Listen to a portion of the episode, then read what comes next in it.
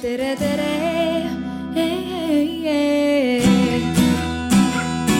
Eestimaa.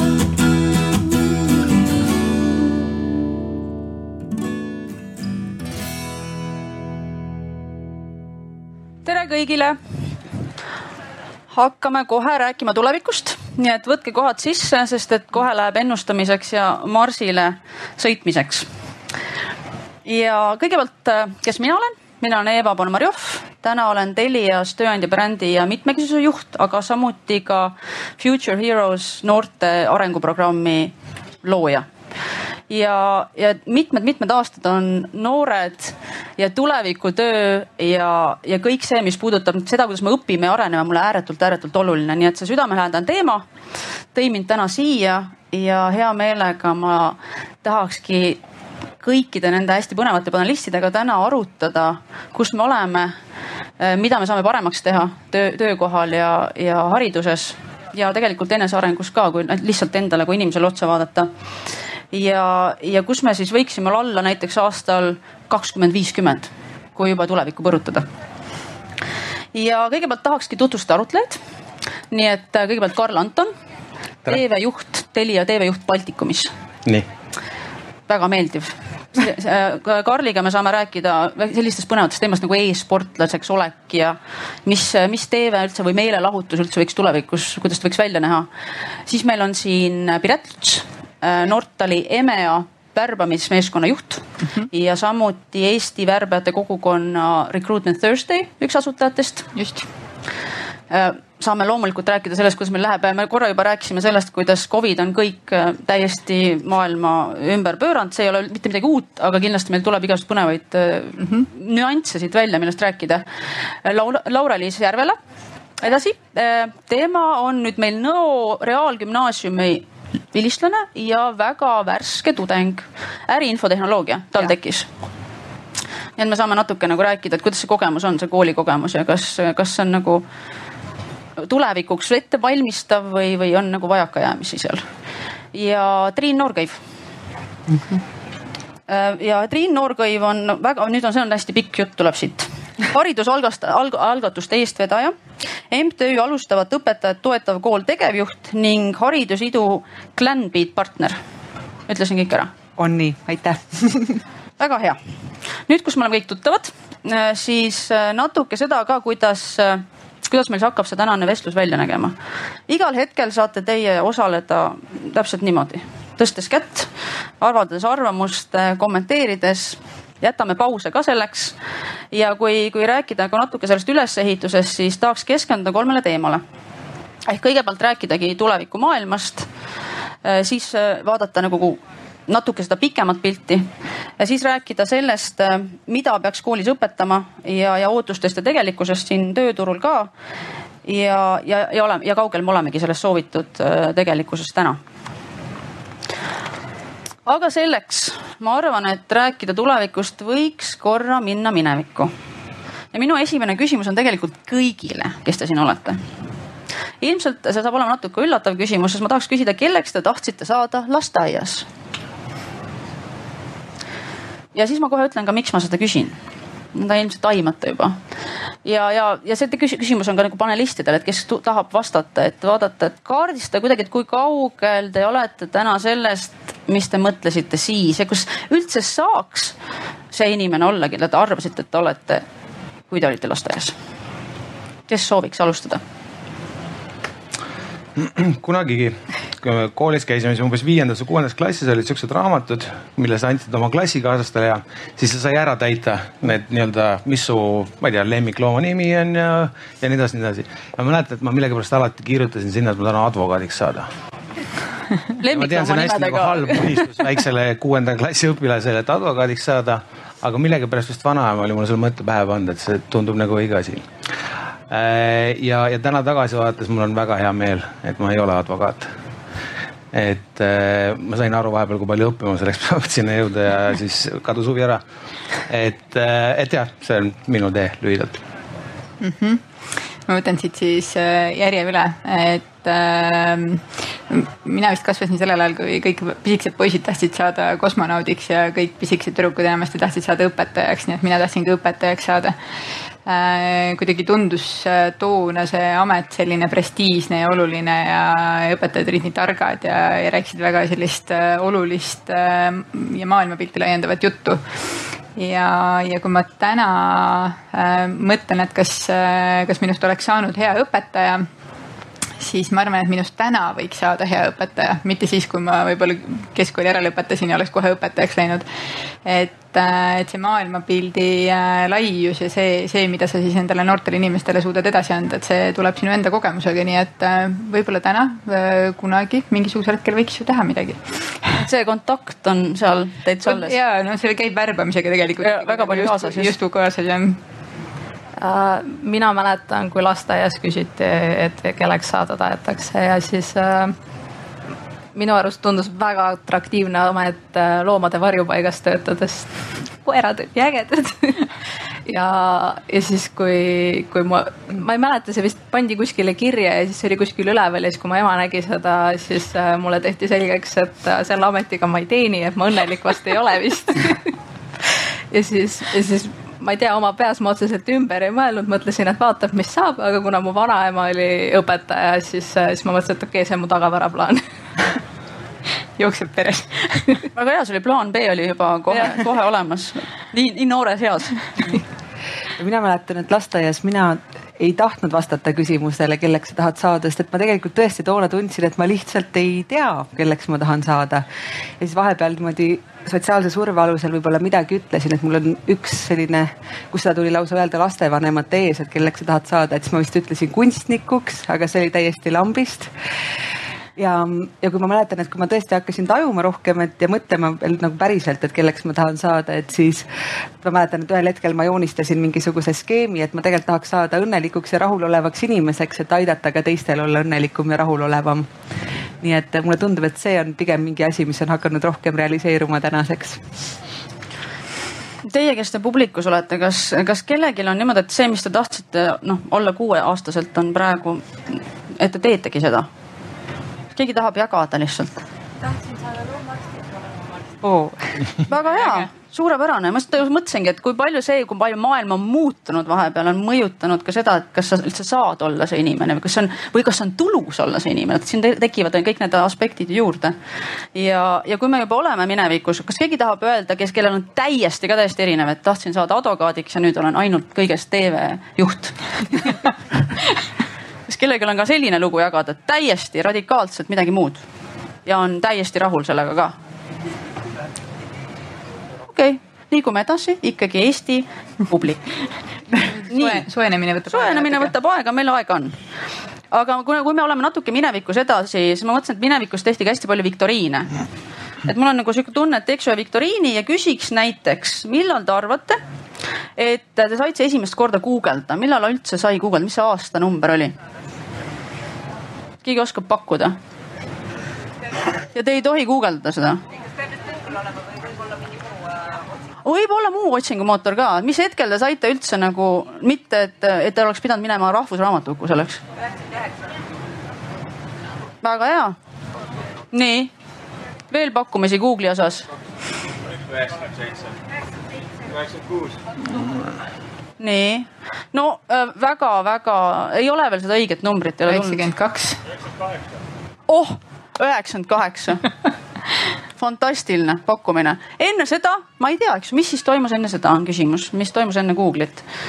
aga enne teda oli neti täpselt, oli, oli Yahoo ja kõik need asjad, mis, mis nagu kuskil taustal olid, aga Google on nagu see, millest sai verb et nagu jahuutama nagu ei hakanud keegi ja netitama vist ka ei hakanud keegi mm. -mm. või midagi muud sarnast. ja, ja kui sa, kui me vaatame nagu sellesse aega tagasi, siis kui te läksite kooli, kas, kas teil oli juba olemas äh, mobiiltelefon? ei, kas, kas te saite juba kasutada selliseid suurepäraseid asju nagu Zoom ja Whatsapp ja, ja FB, Facebook Messenger, kõik need sellised asjad? ei no kuidas te elasite siis? mina näen seal taga ühte päris pisikest poissi, kes äh, raputab pead. nii kas sina ei läinud kooli nii, et sul oli mobiiltelefon taskus juba või? okei. ma, ma pean küsima su käest, miks sa seda ei teinud? sa ei tahtnud ennast äh, kas peaks viskama seda või mm? -hmm. ma äkki keegi saab pihta või visake edasi teeme mängu, jah. mind ka huvitab see vastus. Eh, et jah, ma väga ei teadnud, kuidas seda kasutada, sest ma olin väike. okei okay., aga nüüd okay. sa tead, nüüd on see muutunud või sa nüüd tead ja ikka ei taha eriti kasutada? ma kasutan seda palju rohkem kui palju rohkem, kui vanemad tahaksid, et sa kasutad ei, mitte päris, aga aga nüüd, kus äh, tegelikult äh, ja, ja kui ma hakkan mõtlema, tegelikult Zoom sündis kaks tuhat üksteist, Messenger kaks tuhat üksteist, Instagram kaks tuhat kümme. ja see on see, et kui me olime ilusti koduseinte vahel nüüd vahepeal, kasutasime kõiki neid asju, mida ei olnud olemas kümme aastat tagasi ja, ja nüüd korra enne, kui me nüüd tulevikku läheme, ma mõtlen korra nagu pargiks ennast sinna ära ja, ja mõtleks, et kas on midagi nendest asjadest, kõik, mis ma siin ette lugesin mida, mille puhul te mõtlete, võib-olla olekski parem, kui seda ei oleks täna? TikTok kindlasti täna hommikul just millegipärast vaatasin seda, päris.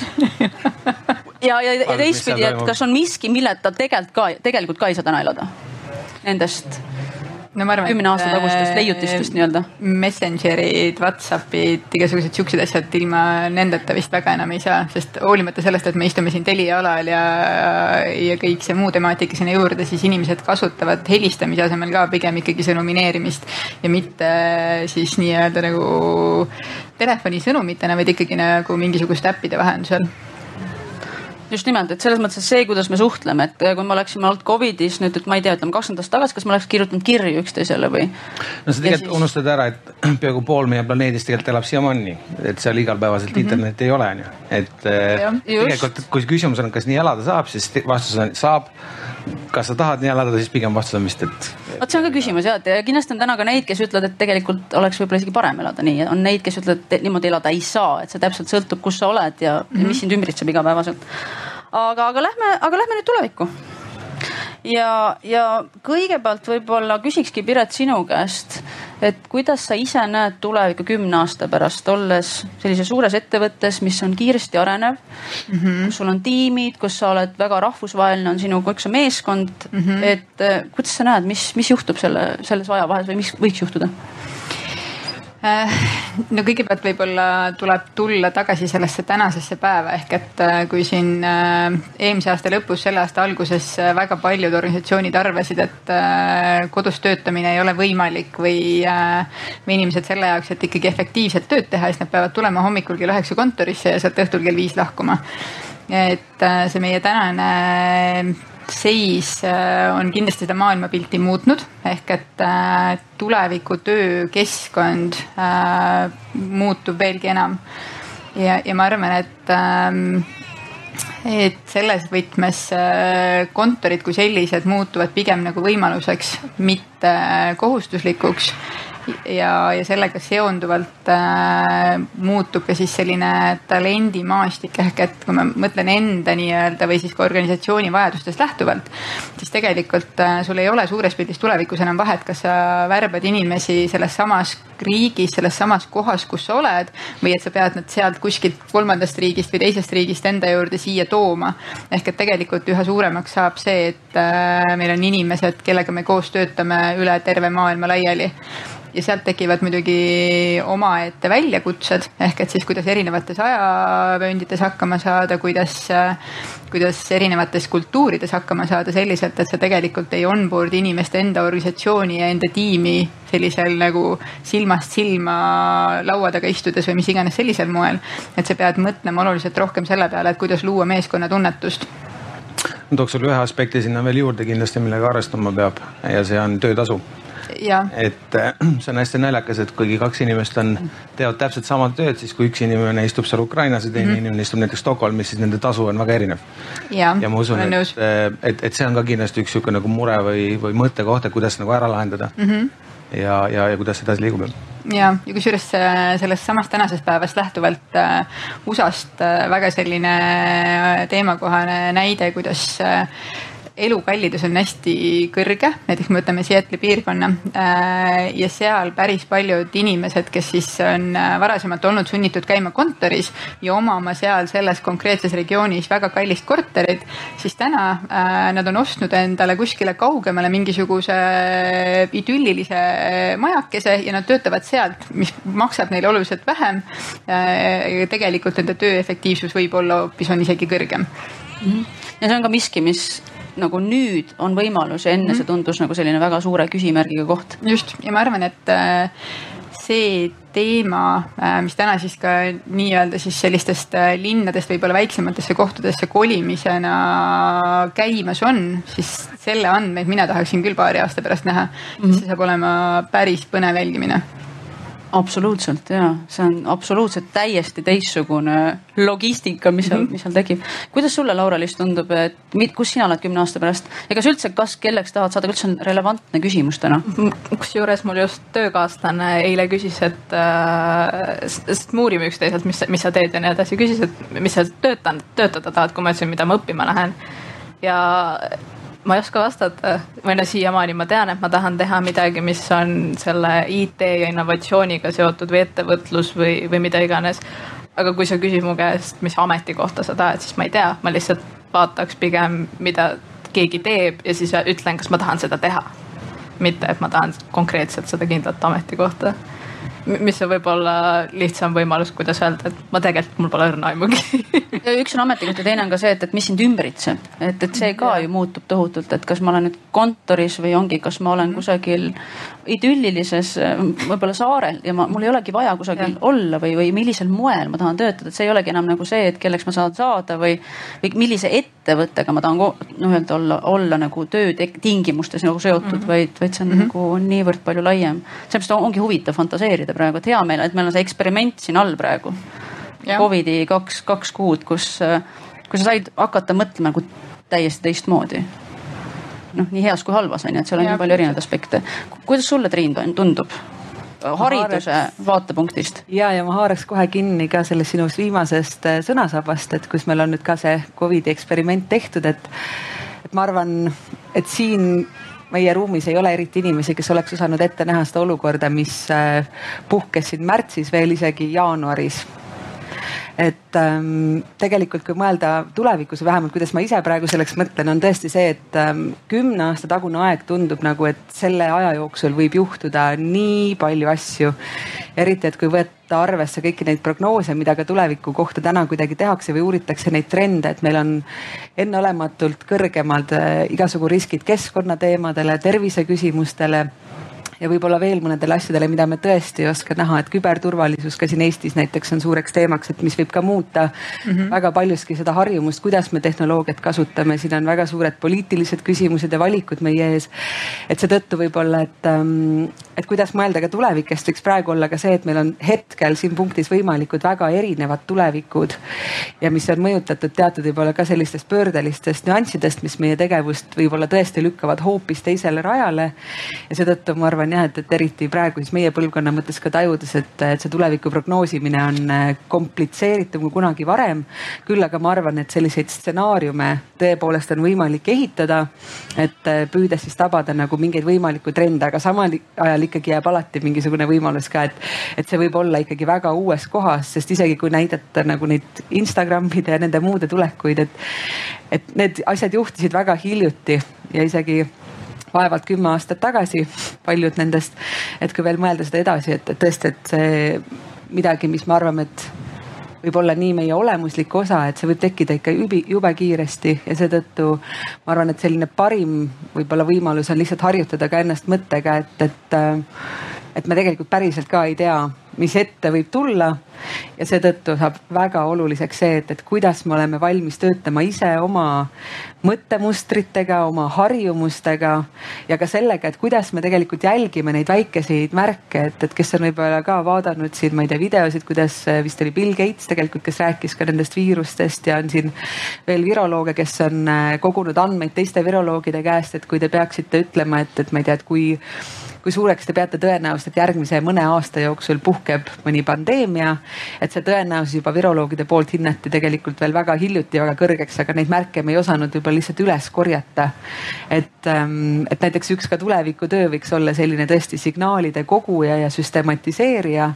et me neid äh, alternatiive enda ees järjest kuidagi ka teadlikumalt ühiskonnas, mitte ainult kuskil arenguseire keskustes või, või uurimis- ja mõttekodades äh, räägiks nendest, vaid et tegelikult, et see oleks ka meie igapäevatöö osa ja mõelda siis näiteks läbi ka juba haridussüsteemis, et äh, kui meie ees on näiteks siin, ma ei tea, tõesti mingi kakskümmend erinevat stsenaariumi, et mida see igaühe meie jaoks isiklikult võiks tähendada ja mhm. tõesti olla valmis, et ikkagi, et, et me peame kohanema mingite väga ootamatute asjadega, et, et täna ka me näeme, et osa inimesed, olles siis hariduse valdkonnast, et kus läks väga palju tegevusi otse internetti, et äh, osa hakkas hoogsalt tegema Zoom tunde, teine osa ütles, et mina Zoom tunde juurde tegema ei hakka. et see on tegelikult ikkagi üsna polariseerivad võivad olla need valikud ja et, et tegelikult mõelda, et mis on need kasulikud mõttemustrid, mis meil tegelikult aitavad nende tõepoolest väga erinevate võimalike stsenaariumitega tegelikult toime tulla, kui need ka teinekord meile väga ootamatult lihtsalt peale potsatavad. ja et ma arvan, see on mingisugune jah, hästi selline sügavalt isiklik veel küsimus ja et kuidas me igaüks veel selle oma tulevikuga suhestume ja ma arvan, et sellele peaks me kõik mm -hmm. mõtlema. ja siin on nagu see, see aspekt ka, et noh, me ju kõik teame, et inimesed kardavad muutusi ja kõik see teadmatus on see, mis pigem tekitab sellist nagu ärevust. ja siis me, kui me just rääkisime sellel teemal ka, et noh, et mis sellest inimesest siis saab, et kui sa pidevalt oled selle, selle teadmatusega nagu silmitsi. et, et uudishimu on võib-olla see, mis aitab lihtsalt olla uudishimulik ja kultiveerida seda, et sa saaksid hakkama sellega, et mis iganes tuleb. sa vaatad seda, sa jälgid seda ja sa kuidagi oled nagu püüad olla positiivselt meelestatud selles mõttes ja, ja avatud. ma võib-olla lisaks sinna juurde adapteerumisvõime ehk et Just. Äh, see on, ma ütleksin, et võib-olla isegi nagu kõige olulisem. ehk et äh, uudishimu jaa, aga teisest küljest see, et mis iganes situatsioonis oma elus satud äh,, sa suudad sellega toime tulla ja et sul on siis äh, taustana mis iganes, kas siis lastetoast, kas siis haridussüsteemist, kas siis oma esimesest tööandja juurest või kust iganes. sul on äh, tekkinud teatav kogemuste pagas, mille peale sa siis saad saad hakata oma asju üles ehitama mm. -hmm tahtsingi selle, selle pealt hüpata, Karl, sinu juurde, sa rääkisid mulle pikalt sellest, et e-sportlaseks olemisest ja mina pean ütlema, et ma ei teadnud sellest väga palju. ma hakkasin nagu guugeldama ja vaatama, et tõepoolest see on nagu karjäär, see võib olla väga lühike karjäär, saime ka väga kiiresti aru. hakkab hästi noorelt ja võib ka lõppeda hästi noorelt, hästi mm -hmm. intensiivne. et kuidas sa nagu, kui sina vaatad tulevikku, lähmegi kohe kakskümmend, viiskümmend, täitsa kohe kihutame veel edasi et mis sa näed, mis need äh, ametid, mitte isegi ametid, aga mis need äh, suunad on, kui sa vaatad oma valdkonda? mis seal põnevat on ja mis need põnevad väljakutsed on ja noh, ilmselt ka kaasneb sellega hea teenistus tihtipeale, kui varem, varem puudutasime seda poolt ka on ju. Mm -hmm mu enda jaoks on siin tegelikult hästi sihuke sügav nagu konflikti koht et kui me ühest küljest räägime sellest nii-öelda globaliseerumisest, me räägime sellest, et kõik asi järjest digitaliseerub, kõik on omavahel ühenduses mm.. ei ole vahet, kus see inimene sul mm. töötab, sa kunagi isegi temaga ei kohtu ja nii edasi ja nii edasi. ja need teenused ja kogu see nii-öelda struktuur liigub sinnapoole justkui mm. -hmm. samas, kui me vaatame meie ühiskonna alustala ehk siis nii-öelda nagu poliitikat, siis seal on viimastel aastatel järjest rohkem ja rohkem natsionalism, järjest rohkem, see on siin meie piir, see on meie mhm. territoorium mm -hmm. ja kogu see nii-öelda nagu toimumas et hästi raske on mul selle koha pealt aru saada, et, et, et kumb see nendest asjadest lõpuks võidab. et kas see jõuab ikkagi sinna, et need teenused lähevad lihtsalt kuskilt nii eest ära ja, ja ongi kõik või, või ikkagi tuleb see poliitiline sekkumine tugev. kasvõi näiteks siin mõned mõned nädalad tagasi see Ameerika ja TikToki vaheline võistlus on ju, et kuidas on üks tehnoloogiaettevõte ja siis lihtsalt üks riik otsustab, et okei okay,, väga tore, et olete, aga minu riigi kõik kasutajate andmed annate lihtsalt mulle. et, et sellest pretsedendist ma usun, et saab nagu pikas plaanis üks päris selline huvitav suunanäitaja mm. -hmm see ei ole ka ju esimene näide selles mõttes, et äh, juba jah, päris. seal, seal eelnevalt on olnud ka Facebook ja kõik igasugused muud teemad on ju. jah, aga, aga Facebooki seal on natukene võib-olla see nagu see murekoht on nagu natuke teine olnud on ju, et, et see on see nagu privaatsus, aga, aga kui konkreetselt öeldakse, et me võtame sellelt ettevõttelt äh, õigused ära, kuna siis me kasutame seda terrorismis ja see on meie riigi ja riigi julgeoleku jaoks on teise riigi yeah. ettevõte või teenus ohtlik on ju, et, et see on nagu iseenesest huvitav, aga, aga kindlasti jah, eks see suuremal või väiksemal määral avaldub igal pool mujal ka. aga selles mõttes, et käib üks äh, väga suur sotsiaalne eksperiment hetkel, ma ütleksin. jah aga rääkides sellest, no ma üldse väga palju suuri sotsiaalseid eksperimente käib praegu väga mitmetes valdkondades, aga korra selle juurde tagasi tulles, et kui sina oleksid näiteks praegu viisteist, äh, mida sa valiksid või mis oleks selline, mis sütitaks sind praegu, millised äh, suunad või kuhu poole sa vaataks? e-sportlasena hetkel kõlab üldiselt päris hästi. kõlab hästi see mulle meeldiks ka, aga, aga üldiselt ma arvan, et ma suhtuks sellesse asjasse täiesti teistmoodi. et eh, kui ma viisteist olin viieteistaastasena, siis ma ikkagi mõtlesin, et sa lähedki ja õpid mingi ameti selgeks ja nii ongi, et eh, õpid turundajaks või, ja, ja siis oledki elu lõpuni turundaja onju et see on kindlasti nagu muutumas. Eh, tänaseks ma olen ise eh, kolm haridust omandanud, üks on tõesti turundus, üks on ka pangandus ja üks on lihtsalt tehnoloogia ja ma kindlasti tahan veel õppida. selles suhtes eh, ma endale viieteistaastaselt ütlesin, et võta rahulikult ja mine siukse, ma ei tea, kolmeaastase vaatega selles karjääri mõttes. et, et nii lihtne on tegelikult täna ümber switch ida ühest asjast teise, kui sa selle vastu huvi tunned mm. -hmm. see informatsioon äh, on hästi lihtsalt kättesaadav, et seda ei ole enam, et et eh, noh, põhimõtteliselt sa ei pea tegelikult selleks, et, et turundusalast haridust saada ka, ka Tartusse kolima või seal midagi õppima, sa võid seda enda kodus endale väga hästi selgeks teha et, et, et selles suhtes jah, ma võib-olla nagu nii pikalt ette kogu oma karjääri teed ja plaanigi ja, ja teadvustaks, et seda ei saagi teha. jah, ma, ma olen väga nõus sellega ja selles mõttes, et kui rääkida siis sellest äh, tuleviku väljakutsetest või, või mis need ametikohad või, või mis, mis see suund võiks nagu olla, siis äh, siis ma ütleksin, et kui circa selline veel mõned aastad tagasi hinnati väga-väga tugevalt seda, et inimene ongi nagu pikalt ühes ettevõttes, mis on siiamaani väga hea, kui sa oled leidnud selle valdkonna täpselt, mis sulle endale meeldib. ja kui sa teed oma tööd siis nagu siirad sellise sisemise rahuga, et see ei ole lihtsalt asi, mida sa lähed hommikul kell üheksa tegema ja õhtul kell viis lõpetad ja saad oma igakuise palgatšeki. Äh, aga selline sisemine põlemine äh, ja tegelikult seesama asi, mis ka Laurelis enne välja tõi, et äh, noh, meil on siin auditooriumis päris palju noori, kes kas on oma mingisuguse ülikooli valiku juba ära teinud või siis on alles tegemas või, äh, või on lõpetamas. ehk et siis äh, minge proovige võimalikult palju erinevaid asju ja ärge põlake ära ka kõige lihtsamaid asju, sellepärast et iga asi õpetab millekski. Äh, ja, ja minu enda selline soovitus võib-olla tulevastele IT, kas siis arendajatele või juhtidele või analüütikutele, et äh, minge proovige customer support ka ära, sest see kasvatab teist nagu päriselt äh, tugevad inimesed tulevikuks. et et seda ei tohiks peljata, et sa täna ei oska teha oma valikut, see on väga okei okay ja, ja ma arvan, et ka kümne aasta pärast see seis on täpselt samasugune. et selle jaoks, et tegelikult iseendast aru saada, sa pead käima ja läbi proovima erinevaid rolle. ja selle jaoks, et äh, sa ei pea selle jaoks ka üksteist aastat ühes kohas tööd tegema, et siis lõpuks aru saada, et kuule, et see ikka ei olnud minu jaoks just ja ma siin veel tooks sisse korraks selle demograafilise vaate ka, et, et tegelikult praegu ikkagi kõik andmed näitavad, et inimeste eluiga pikeneb et äh, tegelikult neid töid, mida me oma elu jooksul jõuame teha, on päris, päris palju. ja võib-olla ka, et seetõttu võib endal seda pinget julgemini maha võtta, et äh, noortel just eriti, et tõesti, et need ma ei tea, ma arvan, et sa elad vähemalt keskmiselt ilmselt võib eeldada juba üle saja aasta.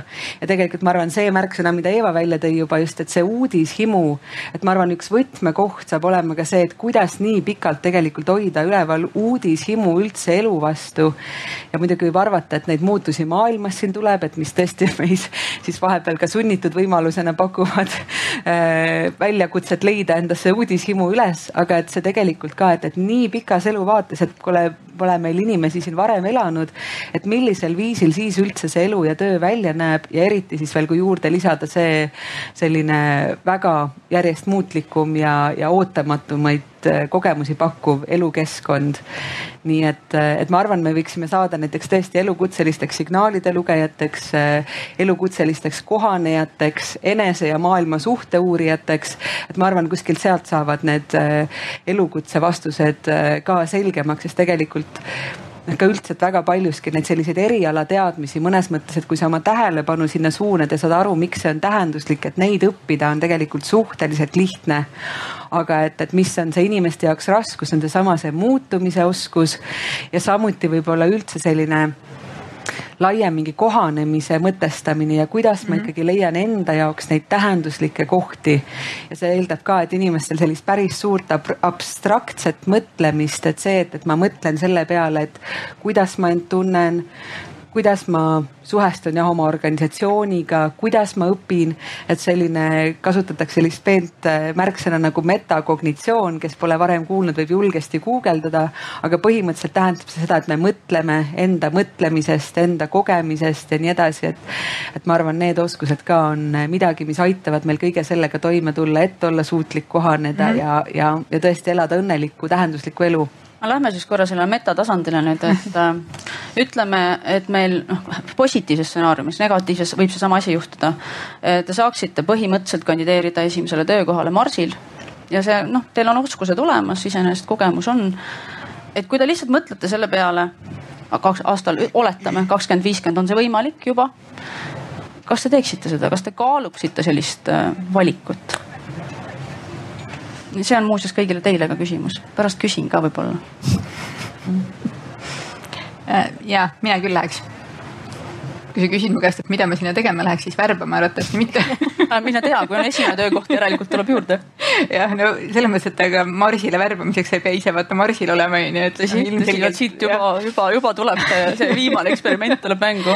just, aga, aga ma arvan, et äh, sellist äh, natukene maadeavastajat võiks igas ühes meis ikkagi olla tulevikus rohkem, et äh, mina küll läheks mm. -hmm. ma arvan, et ma ei läheks ei ole isegi. ei taha meelelahutust käia marslistele. tänase tööga isegi Stockholmi viitsinud kolida, et ma arvan, et tundub veel kaugemal. et, et ühesõnaga jah, raske on äh, seda niimoodi öelda ja, ja, ja tegelikult hästi palju muidugi alati sõltub ka sellest on ju, et mida seal siis nagu päriselt tegema peab. ja kuidas need seal tingimused on ja ja, ja ma noh, ma ei teagi, kas see, kui sa sinna lähed, tähendab seda, et see enam ei ole sealt võimalik enam kunagi siia tagasi tulla, sest. see on nagu Westworld selline. see on nagu Westworld või, või siis ka see, et noh, lihtsalt, lihtsalt see keha ei pea nii kaua vastu. et ma ei tea, kaua see reis sinna edasi-tagasi kestab ja mis koormust see annab väga pragmaatiline lähenemine. no minul võib-olla mõjutab see, et ma just äh, kuulasin läbi audiobooki, kus on äh, Marsi koloniseerimisest äh, lugu ja siis seal on väga ilusasti üles ehitatud suur idea, ideaalne tulevikuühiskond, nii et. jah, ma just mõtlesin üks päev seda, et millal see esimene Maa ja Marsi vaheline sõda tuleb, et kaua see koloonia seal olema peab. enne kui seal keegi otsustab, et kuulge, et sealt siniselt planeedilt saadetakse mingisuguseid käske, et äkki otsustaks ise, kuidas sinna asjad lähevad et ma arvan, see üldse ei ole, üldse ei ole nii kaua vaja. jah, see võib-olla ei ole üldse seiklusimuline minust, aga ma läheks siis, kui see on juba mitte valmis, aga kaugemal, mitte alguses vaatad, kuidas kõigepealt seal läheb, kuulad selle sõja või rahu ja selle reisi pikkusega on. ta saadab ema kõigepealt kahurilihaks ja siis vaatab just kunagi oli selline väljend nagu seeneproov ja noh, nüüd on siis planeediproov ja. jah. Ma arvan küll, et ma läheks, et mulle tundub ka, et selline kogemuslik õpe on ikkagi kõige tähtsam. jah, just. et tuleb järgi proovida ja katsetada, et muidu ei tea ju, kuidas on. ja tegelikult mulle tundub ka, et neid marsilaadseid kogemusi, et tegelikult ka meie võib-olla publikud, paljud on ka ehk käinud teistes riikides ja kogenud seal väga suuri erinevusi, et tegelikult seda marsi võib juba täna siin maa peal ka leida. et kui ikkagi minna väga välja oma sellest igapäevamullist, et ma arvan, see on ka üks väga hea viis tegelikult valmistada ennast ette tulevikuks, sest et ka maa peal meil siin on tõesti nagu ka enne juttu oli, et neid reaalsusi, kus inimesed elavad, on väga erinevad ja ma arvan, nii mõneski kohas me tunneks ennast umbes sama hästi nagu Marsil. nii et, et seda võib katsetada selline fifty-fifty, fifty-sixty tundub hetkel. kuidas, vaatame korra, kui, kui paljud teist käsi püsti läheksid Marsile, kandideeriksid no ma saan aru, et paljud ikkagi ootaksite, kui teie olete ära käinud et kuidas, kui julged on ära käinud, et kuidas, kuidas siis on, kas on turvaline? ja üldse, mida see tähendab, on ju, et see, mis see tähendab elukvaliteet Marsil või, või kuidas me üldse seda mõtestame. aga kui me läheme korra tagasi tõesti ma, ma, ma tagasi maa peale ja ma korra küsin sinult, Triin, sa elasid Singapuris ja, ja seda peetakse ka selliseks väga selliseks innovaatiliseks, edasipüüdlikuks riigiks, et kas on midagi, milles kogemuses ütled, et sellesse ma nagu investeeriksin Eestis ka, et mida, mida oleks sealt nagu võtta mm? -hmm. Mm -hmm ja ei, Singapur on väga huvitav koht ja tõesti, et sellest ajast, kui ma seal elasin, on juba ka mõned aastad möödas, et Singapuri kontekstis see tähendab ka seda, et, et seal näiteks on rahvaarv umbes vähemalt nelikümmend protsenti kasvanud peaaegu. et seal muutuvad asjad väga kiiresti, aga ma mõtlen, et et võib-olla nagu, kuigi see ei ole nagu nii lihtne realiseerida selles mõttes, et Singapur ei ole nagu päris demokraatia. aga et, et tegelikult saada nagu aru, et kui meile ikkagi tundub laiapinnalise konsensusena, et, et miski on õige, et siis ollakse seda valmis väga kiiresti realiseerima. ja väga ratsionaalselt kaalutakse läbi, et mis on näiteks seal ka, et kuna ta on väike riik, et mis on need valikud väikeriigina seal olemas. et millesse investeerida, et näiteks ka, et ähm, et Singapuri taustaks see, et seal on väga palju inimesi, et kui võib-olla Eestis mingi aeg oli see, et kui keegi ei teadnud, mida õppima minna, et siis mindi majandust õppima, et Singapur, seal mindi õppima inseneriks ja seetõttu see mõtteviis on ka hästi levinud, et ongi, et äh, kui on mingisugune probleem, leitakse lahendus, sammud abc, kohe mm -hmm. läheme ellu, et mis me siin ootame. et, et siis näiteks seal mingeid toredaid näiteid tõesti, et Singapuris seal näiteks sel ajal oli teemaks see, et ähm, tundus, et on vähe kultuuri ja on vähe sellist boheemlaslikku atmosfääri, et siis tehti nagu paar asja selle jaoks, et kultuuri jaoks ehitati maailma tasemel megakultuurikeskus, palgati sinna inimesed üle maailma seda asja nagu vedama ja siis boheemlasliku linna jaoks, linnaosa jaoks otsustati kohe, et kus see peaks olema, kui suur see peaks olema, kes seal peaks elama ja nagu tehti ära. ja Eestist tulles tundub see natuke absurd, aga samas, et, et ikkagi nagu selline julgus ka mingid otsused siis ikkagi täiega nagu ellu viia ja vähemalt proovida ja katsetada ja need tegelikult lahendused ikkagi, ma saan aru, on seal päris hästi ka toimima hakanud. ja, ja kuidagi mingi fundamentaalne asi, ma arvan, Singapuris ka, et ähm, et tõesti seal väärtustatakse väga ja väga haridust et Singapur on ka üks vähestest riikidest maailmas üldse, kus ei ole õpetajatega väljakutseid, et õpetajate järelkasv on äh, väga tugev. sinna tahetakse minna, nende jaoks on eraldi väga kõrgetasemelised arenguprogrammid, et kuidas üldse saada olla õpetaja. sinna lähevad väga kõrgete eelnõudmistega mm, kandidaadid ja et, ähm, et saadakse aru, et ka, et väikeriigina, et inimesed on ainus, mis sul on ja kui sa haridusse ei investeeri, et siis millesse üldse veel. et, et võib-olla tegelikult äh, selle viimase välja öeldud ähm, mõtte võtaks hästi kaasa, et, et ka, et igaüks siinviibijatest äh, võiks tunda, et see haridus on ikkagi meie endi asi ja kui me saame aru, et, et sellest sõltub nii meie endi tõesti selline heaolu, hakkamasaamine ja kohanemine. ja hästi, et kui veel alguses ka nooremana võib-olla võib-olla veel ei taju, et pigem tahaks sellest koolimaailmast kaugele saada. et siis ühel hetkel te peaksite nagu võib-olla lihtsalt meenutama või, või isegi nagu lihtsalt siis projekteerima tulevikku seda, et teil on ka lapsed. ja et, et kes või milline on see koht, kuhu te olete valmis andma oma lapsi, et seetõttu ma hästi arvan tõesti seda, et haridus on väga oluline ja seda Singapuris jah mõistetakse ja seal tõesti kutsutakse üle maailma konsultante ka nende haridusministeeriumi ja, ja spetsialiste nõustama ja nad ise arendavad väga palju suhteid maailmaga, et õppida tõesti nendest headest kogemustest. et kasvõi Eestist isegi lihtsalt tuua näide, et meie oma kodumaine äpp näiteks keele õppimiseks Lingvist. et kui on tõendatud, et selle äpi kaudu on keeleõpe mitusada korda efektiivsem, et siis mis on meie vabandus, et mitte seda võtta laiemalt kasutusse, kui nagu mõned üksikud entusiastid. et kuidagi nagu uskuda seda, et kui tõenduspõhiselt saame näidata, et, et õppimises midagi ka töötab, et siis meie kõigi huvi võiks olla see, et jah, katsetame seda ja lähme seda teed julgemini aitäh, aitäh selle mõtte eest, ma tahan korra küsida, kas kellelgi on küsimusi praegu, et kui te mõtlete sellest äh, visioonist kümme või viiskümmend aastat. Äh, mis jäi veel rääkimata, mille kohta tahaks küsida, on mõni mm? -hmm. aga palun, on vaja seda ka või? siis kuulevad teised ka küsimust. ma viskan kuidagimoodi oh, väga hea et äh, mul ongi nagu kaks küsimust, et äh, teile eelkõige selles suhtes, et te rääkisite haridusest ja selle olulisusest, et äh, praegu meil on üsnagi klassikaline haridus veel jätkuvalt Eestis, eriti kõrghariduse puhul, eks ju. et tegingi oma lõputöö ka tulevikuoskuste kohta ja sealt tulebki eriti välja see, et tegelikult tulevikus on vaja hoopis teisi oskusi, et mis teie arvate, kuidas siis haridus peaks muutuma? ja uurimusest selgus ka see, et tegelikult väga vähe on uuringuid tehtud just, et kuidas kõrgharidust arendada.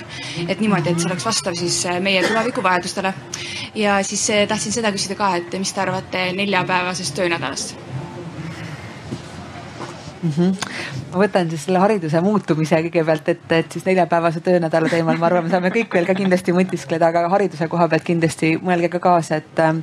et ülikooli haridusega ma tõesti nii palju kokku puutunud ei ole, aga et, et mulle tundub, et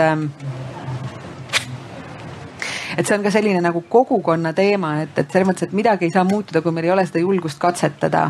ja täna üldhariduses ma näen, et on juba tekkinud päris ägedaid kohti Eestis, et ma ei tea, kas keegi näiteks Eestis on kuulnud siin Roostiku koolist tõstke käsi püsti, üks käsi vähemasti on, teine veel. et ma ei tea, kas te kujutate ette, et Eestis on meil olemas kool, kus algklassi õpilased jõuavad selleni, et neil ei ole mitte tunde, vaid et neil on teada nende nädala õpitulemused, mille poole nad pürgivad ja nad ise organiseerivad oma päeva ja nädalaplaane selliselt, et nende õpitulemusteni jõuavad mida see tähendab, et nad juba harjutavad oma iseseisvust mm, -hmm. nad harjutavad probleemi lahendamise oskusi, nad harjutavad koostööd, sest nemad on need, kes peavad leppima kokku aja, millal nad oma kaaslasega äh, siis ühe või teise ülesandega näiteks tegelevad, kus on vaja just on meeskonna mingisugune projekt. või et ähm, et Eestis on näiteks koole, mis on tõesti võtnud arvesse kaasaegset äh, äh, neuroteadust äh, ja selle põhjal loonud kes, ideaalse keskkonna seitsmenda kuni üheksanda klassi õpilastele, kus me teame, et on kõige rohkem meil haridussüsteemist väljalangejaid. ja see keskkond on, ma arvan, selline, et kus iga meist, meist sisse astudes enamasti võiks tunda, et vau wow,, et sellises kohas tahan mina ka olla. aga et see kool näiteks on Tartus Prodera ja et selliseid katsetusi siin Eestis juba ka on ja et, et ma mõtlen, et võib-olla üks viis ongi see, et, et nagu veel rohkem, kuigi seda juba toimub ja ma lehvitan siin ka koolijuht Sirjele, kes on olnud osa programmidest, kus tõesti koolijuhid siin Eestis ka üksteist külastavad hästi usinasti. ja teine asi on see, et, et liigutakse väga palju ka välisriikidesse ja vaadatakse, et millised koolid üldse on võimalikud. ja kui ma enne juba mainisin, et ma väga usun kogemuslikku õppesse, et siis seetõttu ma arvan, et on nagu vähe abi ainult sellisest ka teoreetilisest mõttemängust, aga et julgeda ennast panna nendesse teistsugustesse koolikeskkondadesse. et kui keegi veel siin mõtleks, et tahaks teha revolutsiooni Eesti hariduse valdkonnas, et siis näiteks otsida siit ka, kas Eestist või maailmast veel parem välja mõni kool ka, mis teid huvitama hakkab, olla seal mõnda aega ja siis tuua see Eestisse tagasi, et meie riiklikud süsteemid on tegelikult väga paindlikud ja võimaldavad väga erinevaid lähenemisi. mul korra tekkis üks küsimus selle peale. kui, kui mõtleme, et sa tuledki läbi sellest ideaalsest koolist ja siis sa tahaksid ju saada ka suhteliselt sarnast tööandjat endale mm. -hmm. et kuidas me, äh, see on võib-olla küsimus tegelikult sulle ka üldse, kes, kes tunneb vastata, et kuidas me, kuidas need asjad nagu kokku jooksevad. ma tulen sealt Roostiku koolist ja ma olen nagu valmis ja ma olen entusiastlik, ma oskan ennast planeerida. ma eeldan, et ma lähen tööle ja juhtub sama asi et kui palju seal on seda val, nii-öelda valgustunud äh, seltskonda sellel tasandil? ma arvan, et tööandjad oleksid selliste uute töötajate üle tegelikult väga õnnelikud, sellepärast et äh, nii kurb kui see ei ole äh,, siis üsna tihti täna tööandjad äh, teevad natukene kas siis äh, selle töö ära, mis on jäänud äh, haridussüsteemis saamata või siis ka vahest elementaarsete asjadega, mis on jäänud kodus saamata. et, äh, et mida paremini me ikkagi enda lapsi tuleviku jaoks ette valmistame, mida, mida rohkem nad suudavad iseennast võib-olla siis ka panna teiste inimeste kingadesse, arvestada teiste inimestega, arvestada iseendaga, tunda iseennast natukene võib-olla paremini, eesmärke püstitada ja teada ka seda, et ka eksimine on inimlik ja eksimistest õpitakse et, et sealt tulenevalt siis äh, väheneb ka läbipõlemise oht ja igasugused muud asjad. et äh, mina arvan, et see tuleviku mastaabis võiks olla nagu väga mõnus kokkusaamise koht. -hmm. ja see ikkagi peaks käima nagu ma arvan ka ühte jalga, et tegelikult yeah. haridusega on ka see paradoks, et nii palju, kui me seda ka nagu ei tahaks uuendada, et siis tegelikult meil peab olema hariduse jaoks või ütleme siis konkreetse kooli jaoks, et ta saaks toimida tema kogukonna usaldus mm. -hmm. ja kui on näiteks meil seni, kuni on meil vanemaid, kes tõesti tahavad, et näiteks, et nende jaoks äh, olulised väärtused kooli puhul on näiteks kord, distsipliin kokkuvõtmine, et mingisugune vabaduse andmine, et see tundub väga ninnu-nännu.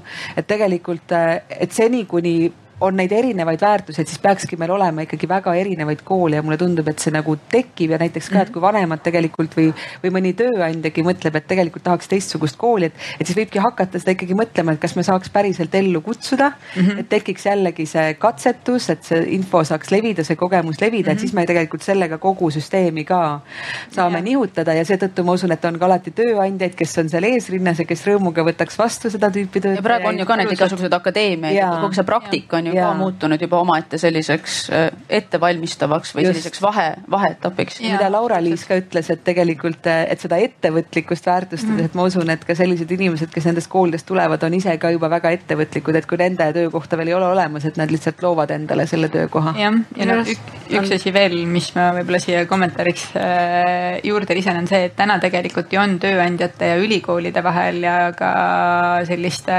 kutsekoolide vahel tegelikult on väga tugev töö ja see käib selliselt käsikäes ehk et mida meil on vaja, mida vajavad tööandjad, äh, vajavad, äh, mida vajavad koolid, on need siis õpetajad, on need praktilised loengud, on need äh, päris elul, elul siis baseeruvad mingisugused õppetunnid ja nii edasi, nii edasi mm. -hmm. et see koostöö tegelikult täna on juba ka olemas, aga seda saab kindlasti oluliselt paremaks teha, seda saab veel nagu tugevamaks ehitada. et äh, erinevates valdkondades, mitte ainult siis noh, mina ise küll jah, ma täna töötan IT-valdkonnas, eks ole. Aga, aga selles mõttes me võime rääkida siin väga paljudest erinevatest äh, valdkondadest, kus seda võiks veel paremini teha mm. -hmm see koolisüsteemide poole pealt, et noh, gümnaasiumi jooksul ma, ma ei kujuta ette, kui palju kordi küsitakse meie käest, et aga mis teistmoodi teha, sest et me ju oleme teismelised ja vingume kogu aeg kõige üle, et aga mis te paremini teete siis.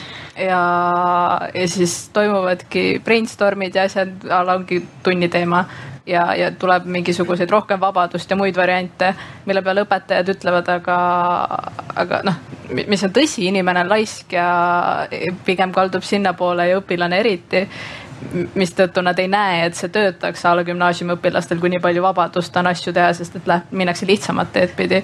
mistõttu jah, ma, kui ma praegu kuulsin nendest koolidest, mis, mis on esimest korda, siis äh,, siis jah, miks mitte, miks me vaatame, et kuidas vanematel klassidel need süsteemid on, et algklassidest ju tegelikult toimub see muutus juba ja see, millega sa sealt harjunud oled, on see, millega sa edaspidi harjunud oled mm. -hmm. et, et see ettevalmistus minu arust põhikoolis või üheksandas klassis on, on tegelikult üsna, üsna nõrk, vähemalt hetkeseisuga ja koroonaaeg, ma arvan ka päris hästi näitas seda, et, et on tõesti näiteks osa koolid, kus inimesed kehitasid õlga, ütlesid, et see on see, millega me oleme juba peaaegu harjunud siin, et meil on digitunnid juba olnud mingi kümme aastat, on ju et äh, ja teised kohad, kus oli tõesti see ikkagi väga uus, et see nagu ma arvan, jällegi viib tagasi kuidagi sinna uudishimu juurde või et, et kui palju on meil kultuurides seda valmisolekut tegelikult katsetada uusi asju ikkagi ja natuke kogu aeg ikkagi püüda sinna ääremaale, et ka ülikoolide puhul, et ma arvan, et selliseid eksperimente saaks ikkagi teha veel, et kui nendeks tekiks mingi surve ja tegelikult ma arvan, vajadus järjest tegelikult ka kerib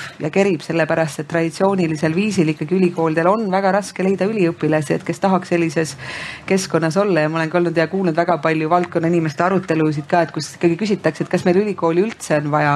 kui täna sa saad võtta tegelikult endale kõik kursused üle kogu maailma kokku või vähemalt sellisel kujul jah, et, et, et mis see tema tähendus on, et, et kui lõpuks jalgadega hakatakse hääletama, et siis see tegelikult äh, noh, nõuab kõigilt palju, aga võib-olla nutikas oleks nagu püüda seda ka veidi siis ennetada ikkagi ja siis ongi, et katsetades õppida, et mis töötab, mis ei tööta, mida inimesed veel vajavad, et kui me teame, et täna online kursustest on ikkagi väga-väga suur väljalangevus, et siis mis on see komponent, mida me peaksime sinna juurde pakkuma, et inimesed võiksid tunda ennast seotuna ikkagi selle kogukonnaga. vabandust, mingi kärbes tuleb diskussioonile ka, põnevad teemad. aga et, et jah, et, et ühesõnaga et kui me ei ole lihtsalt nagu rahul sellega, mis on, et kui tekiks neid inimesi, kes julgemalt äh, katsetaks ja kui tekiks see tugi neile, et jah, palun katsetage, et siis ma arvan, meil oleks hästi palju õppida ja seda igal tasandil on ju, et ja, see on koolis ja teine on see tööl, vot see on sama asi, et see neli, neljapäevane töönädal, et. just, ma tegelikult tahaks küsida, et seal on? selle neljapäevase töönädala kohta, et, et mis muret sa sellega lahendada üritad? seal on see ma ei ütle ka, kas ma oskan mingit muret nagu esile tuua, aga ma mõtlen äkki produktiivsuse mõttes. okei okay., äh, see tundub nagu loogiline, et on tehtud mingisugused uuringud, et inimesed, kes neli päeva nädalas töötavad, on kuidagi produktiivsemad. samas ma eeldan, äh, nüüd ma väga tugevalt palju eeldan ja kui ma eksin, siis sa võid nii-öelda paranda mind, et, et need ilmselt on siuksed noh, ütleme jälle digitaalsed, väga moodsad, kaasaegsed ametid, kus sul on väga palju andmeid, arvutiga tööd ja nii edasi. kui sa võtad veoautojuhi ja ütled talle, et sa võid nüüd viie päeva asemel neli päeva töötada, siis ma usun, et seal efektiivsusega, tootlikkusega midagi muutub. ja kui me võtame tegelikult üldse kogu seda suuremat süsteemi mm, -hmm. siis me tegelikult, ma usun, et vähendame seda tootlikkust selle neljapäevase tööajaga väga palju. Äh, ja ja, ja, ja, ja see on tegelikult hästi nagu noh, sul on täna võimalik ühele tööpäevale globaalsel tasandil väga konkreetne rahaline summa juurde arvutada. ja, ja, ja ma usun, et see lihtsalt on väga suur kahju, mis sealt tekib. nüüd muidugi eraldi nii-öelda diskussioon võib olla, et kas üldse peab alati kasumit teenima, aga, aga. see ei ole täna nagu, see ei ole, see ei ole nagu täna, täna ja selle diskussiooni teema. ma selles mõttes selle efektiivsuse poole pealt võib-olla tooksin juurde ka selle veel, et äh, miks just neljapäevane tööpäev võib olla hoopis see teema, et sa su, äh, sul on vabadus ise planeerida oma tööpäeva. Ja see ka täpselt samamoodi ei ole võimalik kõikides ametites ja kõikides äh, sektorites, sest noh, see lihtsalt ei ole võimalik. selles mõttes, et me tahame endiselt ju minna poodi ja osta endale leiba ja saia ja kui siis äh, müüja on otsustanud sellel hetkel, see on tema pausiaeg, see on tema isiklik aeg, ta võtab endale isiklikuks arenguks aja ja pood on kinni ja, ja that's about it on ju. et äh, aga selles mõttes ma arvan, et seda tuleviku töötamise mul tahab tulla nii väga see astonishing Estonglish ehk et siis ways of working. ma arvan, et äh, see on asi, mis muutub äh, nüüd lähimal ajal ja me veel täna võib-olla ei suuda kõiki aspekte selles nagu ära hinnata või mõõta või ette mõelda, et mis seal nagu muutuma hakkab. aga, aga see, mida meie täna vähemasti enda ettevõttes näeme küll, on see, et inimesed tunnevadki selle ära, et nad on hommikupoole näiteks produktiivsemad. mis on üsna tavaline isegi nende puhul, kes ei ole tegelikult hommikuinimesed, ehk et äh, inimene on lihtsalt hommikul äh, produktiivsem, ta suudab paremini mõelda ja, ja kui sa teed mingisuguse ajaperioodi nagu väga intensiivset tööd, siis sa tunned, et okei okay,, mul täna jooksis juhe kokku, onju, ma rohkem enam ei tee, sa oled kodukontoris. siis sa otsustad, et okei okay,, ma lähen teen mingisuguse, käin jalutan või teen midagi muud, lähen trenni, tegelen lapsega või teen mingit muud asja vahepeal. ja sa täiskasvanud inimesena oled piisavalt küps ja sinu juht usaldab sind, sest ta teab, et sa oled ka täiskasvanud inimene, piisavalt küps et äh, sa tuled sealt oma sellelt pausilt tagasi, siis kui sa tunned, et sa oled valmis ja sa teed siis teise osa päevast, teed midagi sellist, mis ei nõua võib-olla nagu nii sügavat süvenemist või nii suurt efektiivsust. ehk et selline iseseisvuse loomine äh, ja ise otsustamine ehk et millal sa mida teed, aga täpselt samamoodi ei ole tehtav kõikides sektorites, ei ole tehtav kõikides rollides, nii et valige hoolega, mida te õppima lähete aga kas sul on mingid, tegelikult see võib-olla on hea koht küsida, et mida, kui te pea, saaksite uuesti valida täna ja praegu, läheksite ülikooli, mida te valiksite hoolega? ma võib-olla siiralt mõtlen, kas, kui ma täna nagu selle teadmise juures, mis praegu on, kas ma üldse läheks ülikooli? no täpselt, see on ka täiesti vastus. Äh, mis sa teeksid üldse, kuidas sa õpiksid? Et meil oli üks arutelu hiljuti ja, ja, ja et on, et on väga minu arust nagu muutunud see, äh, mida ja kuidas nagu noori inimesi üldse julgustatakse asjadega ette võtma oma tuleviku suhtes. ma mäletan, kui ma koolis käisin, siis oli põhiline asi, mis ema ja isa mulle ütlesid, et äh, sa pead õppima, miks, sest muidu sinust saab traktorijuht. sa pead õppima, miks, muidu saab traktorijuht, see oli ainukene nagu põhjus, et sul on vaja õppida lihtsalt selleks, et sa oleks traktorijuht. et okei okay. ja siis äh, ülikooli on vaja minna selleks, et, et, et saaksid natukenegi nagu parema koha ja see oli ainukene nagu motivaator, võib-olla see oli ainult minu peres, aga mulle tundus, et võib-olla see oligi nagu ajastu hing. jätkub veel täna ka. just, et. kuskil oli kõigil see baseline on ju, et kus ei tahtnud nagu jah. et, et aga, aga, aga seda, et äh, okei okay,, leia mingi probleem ja tee ettevõte ja lahenda ära sellist nagu mindset'i ei olnud, et ahah, sulle see ei meeldi, okei okay,, aga paku välja kolm lahendust, kuidas seda teha ja mine proovi, kas sa saad seda teha. et mulle tundub, et täna nagu on, on, on rohkem seda push itud ja, ja, ja, ja ja et see liigub nagu järjest rohkem ja rohkem sinnapoole ja, ja võib-olla ka noored võtavad seda nagu mindset'i ise üle, et, et, et see unistus ei ole see, et sa jah, nii-öelda õpid selleks, et mitte traktorijuht olla. ma mäletan tegelikult selles mõttes sellega haakuvalt, et kui ma tegin oma esimese ettevõtte noh, vaata ongi naiivne, sa tahadki lahendada probleeme ja et sul oleks fun ja huvitav. ja ma olin esimesel kursusel ja siis kõik ütlesid mulle, et nagu see on nagu nalja tegemine, miks sa teed seda, et noh, sul on nagu mm. päris tööd vaja ja sul on ikkagi et. nagu vaja palka saada ja ei, ma ikka, ma olen ettevõte, et noh, sa teenid kasumit ja me teeme üritusi, me saame raha. ei, ei, no see ei ole ju jätkusuutlik see ei ole üldse mm. jätkusuutlik mõtlemine, olla ettevõtja ei ole jätkusuutlik, et selline nagu mõtlemine oli väga levinud. jah, no ma arvan, et tänasel päeval äh, tänu erinevatele startup'ide edulugudele, siis see, see mõtteviis kindlasti on muutunud. aga teisest küljest on ka seal see teistpidi see ohukoht ehk et äh, ma lähen ja teen oma ettevõtte ja siis ma saan, äh, kohe tulevad äh, investorid, süstivad mu ettevõttesse hunnikus pappi ja siis ma olen miljonär ja siis ma lähen palmi alla ja siis on kõik jumala hästi ja siis tuleb pension. ja siis tuleb pension jah. hiljemalt. aga see on ka jumala fine, selles mõttes, et kui see on see edulugu ja kui sa suudad selle peal nagu ära teha asju, siis see on igati, igati okei okay aga, aga päeva lõpuks äh, kõigidest ei saa kahjuks äh, väga edukaid startup ereid äh, ja kas peakski? Ja teisest küljest ma tahaksin olla väga nõus sellega ka, et kas peab kindlasti ülikooli minema. jah, on mingisugused ametid. Ja nende ametite puhul vähemasti mul ei ole statistilist sihukest nagu baasi taga, aga tunnetuslikult ma tahaksin öelda, et kui laps unistab sellest, et temast saab arst, siis enamasti temast saabki arst, sest on mingid ametid, mis on väga sellised juurdunud sisse ja mulle tundub, et see arsti roll on üks selline. ja tihtipeale arstid käivad ka nii-öelda nagu suguvõsas läbi, ehk et siis, kui vanaisa oli arst, siis isa oli arst ja ema oli arst ja ühesõnaga see tuleb nagu sealtkaudu. aga aga jah, selles mõttes, et ei pea kindlasti minema ülikooli. Äh, meil on tegelikult väga ägedaid äh, kutsekoole, mis õpetavad äh, väga korralikke ameteid. nii et selles mõttes ülikooli paber ei ole asi iseenesest, mida taga ajada. mina pigem julgustaksin seda, et äh, leidke üles see asi, mis teile nagu endale päriselt meeldib. et no rõhutan seda nagu veel kord, ehk et äh, see, mis paneb silma särama, see, mis teeb õnnelikuks ja toob äh, leiva lauale. nõus. ma pean ja, küsima, Laura-Liis, miks sa ülikooli läksid see äh,, see tuleb isa poolt vist rohkem, ema ütles vahet pole aga, aga mul oligi, või no ma mõtlen, et enda sõprusringkonnas vähemalt mina tegin oma otsuse kõvasti teistmoodi kui teised, ehk siis kui kaheteistkümnendas klassis kuskil kõik küsivad, et mida sa teha tahad, siis kõik olid, et ma ei tea või ma kaalun seda, seda ja seda. ja mina ütlesin, et ma olen viimased neli aastat selle peale mõelnud, ma vist jätkan sellega sest et äh, kaheksandas klassis loovtööna ma põhimõtteliselt viisin terve oma klassi kahte ettevõttesse, mis olid mu emaga seotud ilmselgelt.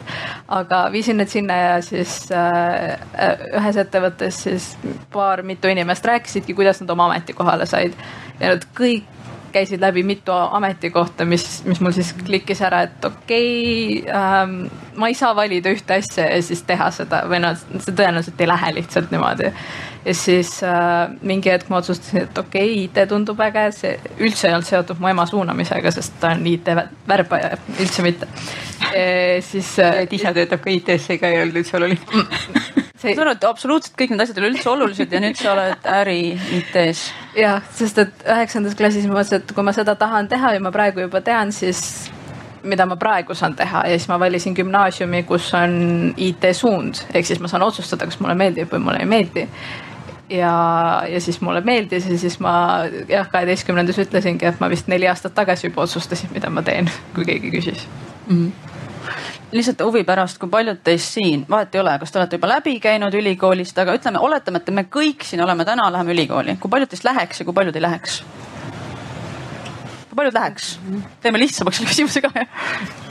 okei okay nüüd on nagu teistpidi, kui enne nagu Marsil oli vähe minejaid, siis äh, siin on, et ülikooli läheks päris palju, et Marsiga on nagu. saab järeldada, et Marsile pole ülikooli mõtet teha on ju. veel, veel ei ole. ma arvan, et see oleks hästi huvitav jällegi mõelda, et, et mis on see tegelikult, mida me otsime, et ma usun, et äh, et õpiprotsess tegelikult on väga oluline protsess me elus ja kui meil on midagi, mis meid huvitab, et tegelikult me vajame seda keskkonda, kus olla õppimises koos teistega, kes on samamoodi õppimises mm. -hmm. et ma võin küll üksi õppida midagi, lugeda hunniku raamatuid, aga et tavaliselt ikkagi üldjuhul on see, et sul on vaja kaasteelisi sinna kõrvale, sul on vaja mingit ligipääsu mentoritele ja nii edasi, et ülikool täna ikkagi paljudele pakub seda keskkonda ja eriti, et ikkagi, et kui ta ei ole tõesti lihtsalt see paberi tagaajamine, vaid päris see õpihimu, mis sinna ajendab tulema. et tegelikult äh, ma arvan jah, et inimesed, kes armastavad õppimist, et need saavad sellest väga-väga palju võita ikkagi. ja, ja et ma väga loodan, et, et ülikoolid või on nendel võib-olla tulevikus mõni muu nimi ka. et, ähm, et see vajadus, et, et meil on kohad, kus me saame kogu, kogeda tõelist õpikeskkonda ja samuti ka sellist süvenemist, et seetõttu ma ikkagi väga tunnen, et, et ka, et, et see, et meil Eestis väga paljud inimesed korraga tõesti õpivad ja töötavad, et ja tihti ka väga erinevates valdkondades. et, et see midagi kaotab, sest et ikkagi süvaõppimine on siis, kui sa saad ka keskenduda ja sa saad tõesti nii-öelda pusida nende õpiprotsesside kallal ja süveneda ja katsetada ja uurida ja eksida ja mõtestada seda, et see kõik nõuab teatud aega ja teatud äh, keskkonda selle õnnestumise jaoks, nii et. mul on kusjuures sellega ja. seoses küsimus, et äh, kui paljusid on üldse õpetatud õppima? või see on mingi asi, mis kuidagi nagu sisemiselt tuli, et need katse-eksitusmeetodil või seal oli nagu reaalselt selline mm -hmm. nagu õpetamismetoodika taga, et kuida, kuidas õppida? Gümnaasiumis oli selline tund. kuidas õppida? õppima, õppima. õppima, õppima tund. Äh, ma arvan, et see on üks vähestest vist või selles mõttes äh, me kuidagi täiskasvanutena eeldame, et näed, õppimine noh, lihtsalt noh, kellel iganes nagu on lugemismälu, nägi, nägemismälu, mhm. kirjutamismälu, muud igasugused, äh, seal tegelikult on ju absoluutselt nagu täisteadust, aga et üks asi on see, kuidas lapsed õpivad, teine asi on see, kuidas täiskasvanud õpivad, onju. Mhm. et äh, ja neid, neid noori, kes siis lähevad oma esimest sellist elukutset omandama või sellist nagu kõrgharidust, kas siis ülikoolis, kutsekoolis, mis iganes, siis äh, nende õpetamismetoodika on veel eraldi protsess, eks ole.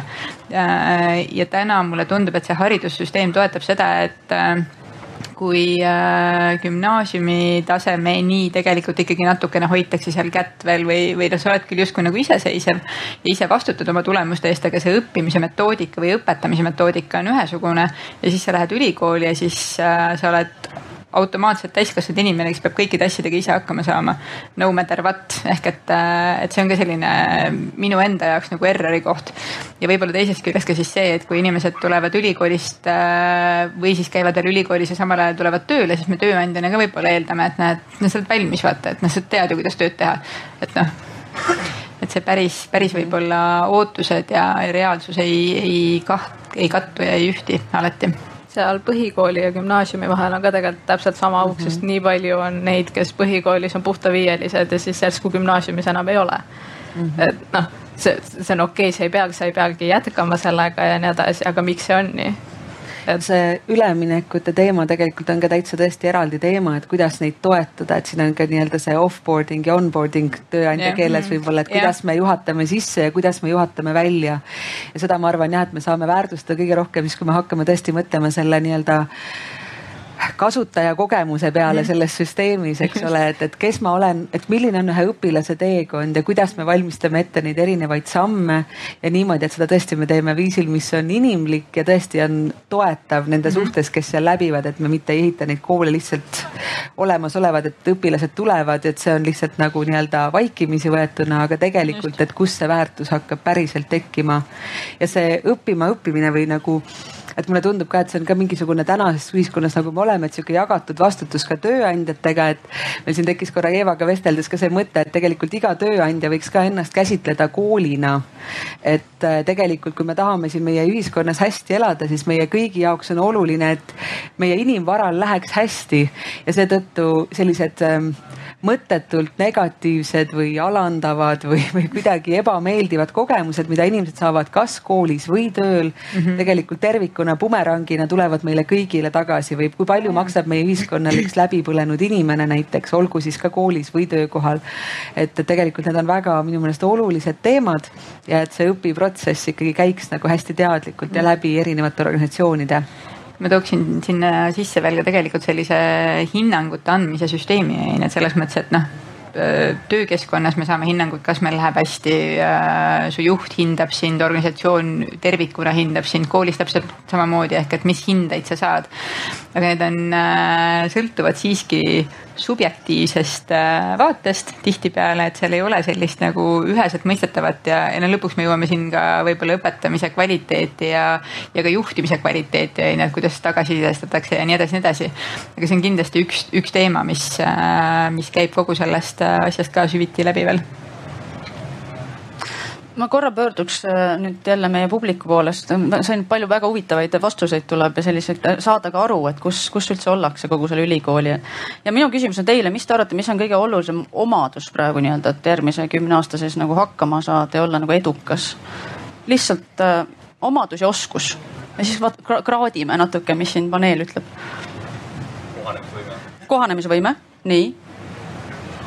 mis veel? õppimisoskus kuidas? vastutuse võtmine, absoluutselt. uudishimu mm. -hmm. kohanemine, vastutus, uudishimu. süsteemide loomine ja nendest arusaamine. süsteemide loomine, neist arusaamine, kindlasti tänases maailmas veel era, eriti mm, -hmm. eriti oluline. suhtlemisoskus mm. -hmm ja mitte Tiktokis suhtlemisoskus. see on ka oluline see on ka oluline jah kahjuks. Nii, kas tuleb veel oskusi või omadusi, isikuomadusi, mis oleksid nagu väga-väga head omada oma pagasis? loovus, loovus.. Mm -hmm. oskus guugeldada jah, informatsiooni leida, just, kuidas? ja kasutada seda informatsiooni kriitiline mõtlemine kindlasti ka ääretult äh, relevantne tänases maailmas. saada õige suund kätte. saada õige suund kätte. Sa võid küll Tallinna poole minna, kus see suund on nüüd, nüüd me läksime päris väga, väga, väga, väga huvitav. jah ma mõtlen, et tegelikult mulle tundub ka selles mõttes on väga, väga hea point, et äh, mida rohkem sul on valikuid täna ja täna on neid valikuid meeletult palju, konkurents on samalt meeletult tihe mm ja neid suundi tundub, võtta nagu. tasapisi juba sihuke nagu juhi ülesande peale, aga, aga see toimub alati koostöös töötajaga mm. -hmm. Fair point sellegipoolest et see jah, see, see juhtimine on ka täiesti, täiesti uus kvaliteet seal selles maailmas mm. -hmm. enne oli jube, jube lihtne, sul on kolm valikut. nüüd sul on, ma ei tea, kolmsada valikut mm. -hmm. et sellest nagu läbi tulla, osata süsteemi luua, osata seda suunda, osata aru saada, mis ma sellega peale hakkan. ja, ja kohaneda, kui miski läheb täiesti teisiti niisugune enesejuhtimise teema selles mõttes, et äh, noh, ka kõik need asjad, mis said äh, nimetatud siin, selles mõttes kindlasti on väga olulised. Äh, üks asi, mida ma ootasin või mida ma lootsin, on tegelikult kuulamisoskus. et, et see on üks asi, mida meil tänases maailmas jääb järjest vähemaks, ehk et me tahame ennast kuuldavaks teha üsna-üsna tihti, aga me ei kuula et see on tegelikult asi, millele võib-olla tahaks tulevikus natuke rohkem tähelepanu pöörata. ja miks, sellepärast et äh, teisi kuulates me mõtleme kaasa nendega ja võib-olla selles äh, tulevikumaailmas, kus me töötame kodust või me töötame kuskilt mujalt või äh, me oleme natukene rohkem eraldatud, siis see teiste inimeste ärakuulamine äh, ja sealt selliste koostööna tuleviku lahenduste loomine, ma arvan, et üks väga-väga oluline oskus ja, ja suund mm. -hmm minu meelest ka, et, et siin selle suhtlemisoskusega ka kohe haakub ka see koostöö teema, et, et tõesti, kui mõtelda jällegi, et mis siin maailmas meil kõik toimumas on.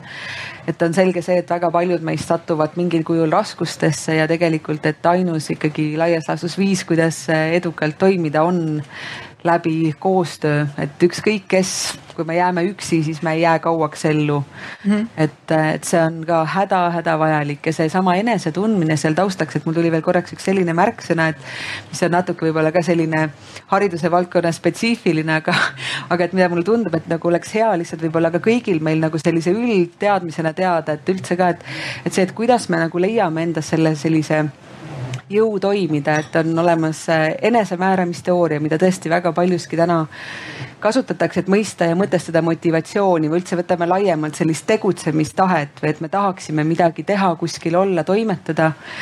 Et selles on kolm sellist väga olulist komponenti et üks on nendest see, et ma tunnen, et ma saan teha otsuseid enda elu puudutavate küsimuste kohta, on see töökohas, on see koolis. aga et ma saan olla autonoomne sedapidi, et, et mul on õigus teha valikuid. et kui meid pannakse ainult sundolukorda, et siis tegelikult see on väga hävitav inimeste isemotivatsioonivõime jaoks mm -hmm. ja samamoodi, et kui töökohal sind kogu aeg sunnitakse, et siis me tõesti ei saa eeldada, et inimene kodukontoris tahab töötada. aga et ta pole saanudki näiteks jah teha mingit valikut, et autonoomia enda jaoks elu küsimustes esimene asi teine asi on kompetentsus ja see haakub sellesama õppimise võimega mm, -hmm. sellega ka, et, et ma tunnen, et ma saan mingis asjas meisterlikumaks, et ma arenen edasi, ma omandan neid oskusi, mis võimaldavad mul olla edukas, saada positiivset tagasisidet. et ka, kes on koolis olnud või et kui ikkagi ei lähe ega lähe mingi asi, et, et see on väga raske olukord, kus olla, et, et sa oled tegelikult võib-olla pingutanud ekstra ja kui su ikkagi tulemus äh, ei tule tagasi, et, et sa oled saavutanud mingisugust äh, positiivset mõju enda jaoks, et, et siis see on ka väga demotiveeriv ja tõesti, et see oskus, et märgata seda pingutust ja, ja nagu tunnustada ja innustada edasi liikuma. et see on siis teine asi, kompetentsus ja kolmas asi on seotus, et see, et meie ümber on need inimesed, kellega me päriselt tahamegi koostööd teha, et, et ka värbajate ja valikuvaldkonnas, et see on mm -hmm. teada, et tegelikult kui inimesed uued, kes tulevad organisatsiooni, kui nad ei leia üles oma inimesi, et siis tegelikult on ka väga raske püsima jääda mm. -hmm. et see on selline tõesti kolme jalaga taburet, et, et iga jalg nendest on hästi omal kohal ehk siis tõesti seotus, koostöö teiste inimestega meie ümber, autonoomia ja kompetentsus, et mm, -hmm. et kui mhm. vaadata enda elus võite ka kraadida, et, et kuidas teil on hetkel olukord nende kolme alustalaga ja kui on midagi nõrgemas, nõrgemaks jäänud, et siis annab seda jällegi tähelepanu pöörates üles ehitada, nii et, et võiks see tegutsemislust jälle tagasi tulla aga võib-olla see ongi nagu, kas, kas on veel midagi lisada nüüd nende oskuste ja omaduse kohta, enne kui liikuda edasi, mis on veel nimetamata jäänud, aga tundub, et äh, lisaks kuulamisoskusele, mis võiks, võiks veel olla ja mis äh, ei, ei lähe niipea moest välja, nimetame seda niimoodi. ma arvasin, et päris hea list sai juba. päris hea list sai, no siis, siis saame edasi, kõik on rahul selle listiga, võime edasi liikuda ma tegelikult vahepeal läheks äh, selles natuke vaataks enda sisse, nagu sa juba ütlesid ka, et vaadake kõik, et kuidas teil, kuidas selle kraadimisega on. et need kaks kuud, mis me olime nüüd kodus ja kindlasti meil oli hoopis teistsugune kogemus et, et kuidagi see on nagu natuke küsimus teile ja küsimus, küsimus nagu meie Vene panelistidele on see, et mis teid üllatas, milliseid muutusi te enda sees või enda ümber nagu nägite? mis teid üllatas kõige rohkem ja mille te võtsite kaasa? See ei ole võib-olla nagu väga originaalne küsimus, aga mulle tundub ka ääretult vajalik, sellepärast et me olime täiesti pretsedenditult teistsuguses kohas. võib-olla üllatas ikkagi noh, see, et kui kiiresti tegelikult äh, äh, see ettevõte, kus ma töötan, kui ka tegelikult Eesti ühiskond selle muudatuse tegemisega hakkama sai ja, ja, ja, ja, ja tunnistan, et ka minu arvates antud hetkel valitsus sai sellega kuidagi väga hästi hakkama, et ühesõnaga tegelikult see Eesti jaoks vähemalt on väga-väga kiiresti ja väga valutult lahenenud, eriti kui ma kuulan sõpru, kes välisriikides elavad, kuidas seal siiamaani jätkuvalt need leevendused ja piirangud ei ole sellised nagu siin, kus seda segadust on, on, on, on nagu kindlasti palju rohkem. et, et see oli kindlasti sihuke suur üllatus ja, ja kaasa, kaasa võib-olla võtaks selle just nagu võib-olla töö tegemise kontekstis, et, et ma näen ja tunnen täna, et selliseid nagu operational või igapäevaseid nagu tavalisi asju, need saab kõik ilusti ära teha. saab kodus teha, saab üksinda teha, saab üle video teha, seal ei ole seda probleemi. Aga mulle tundub, et, et, et sealt nende, nende uute asjade tegemiste ja uute mõtete genereerimine ja, ja, ja, ja see, mis tihti sul tulebki see, et kuule, söökla järjekorras korra näed, äkki see asi, et vot neid asju nagu jääb järjest vähemaks. ja, ja, ja, ja eks seda siis on, on, on nüüd näha, et kas see nii-öelda isolatsioon eh, tuleb veel tagasi ja kestab pikalt ja kas see annab mingisugust mõju sinna või mitte, aga, aga mulle tundub jah, et need operatsiooniliste asjadega saab hakkama. aga need asjad, mis vajavad sellist võib-olla nagu rohkem koostööd ja uute mõtete väljagenereerimist, seal läheb nagu raskeks mm. -hmm jah, no selles mõttes me ka läksime juba ennem koju, kui need riiklikud piirangud said välja kuulutatud ja mis võib-olla minu jaoks oli üllatus, oli see, et noh, minu enda tiim võib-olla on olnud äh, suhteliselt vaba oma otsustes kogu aeg, et kus nad töötavad ja, ja kuidas aga see, kui kiiresti tegelikult tuli tiimi enda igatsus oma tiimi liikmete järgi ehk et äh, see saabus nagu väga kähku, et kui alguses oli või noh, mingisugusel ajahetkel oli ikkagi räägitud, et noh, et äh, ikka jube hea oleks, et äh, võiks ikka kogu aeg kodus töötada või siis kuskil seal või teises või kolmandas kohas, siis äh, see inimliku kokkupuute koht ja sama see söökla järjekorra teema on ju, et see või, või kohvinurga jutud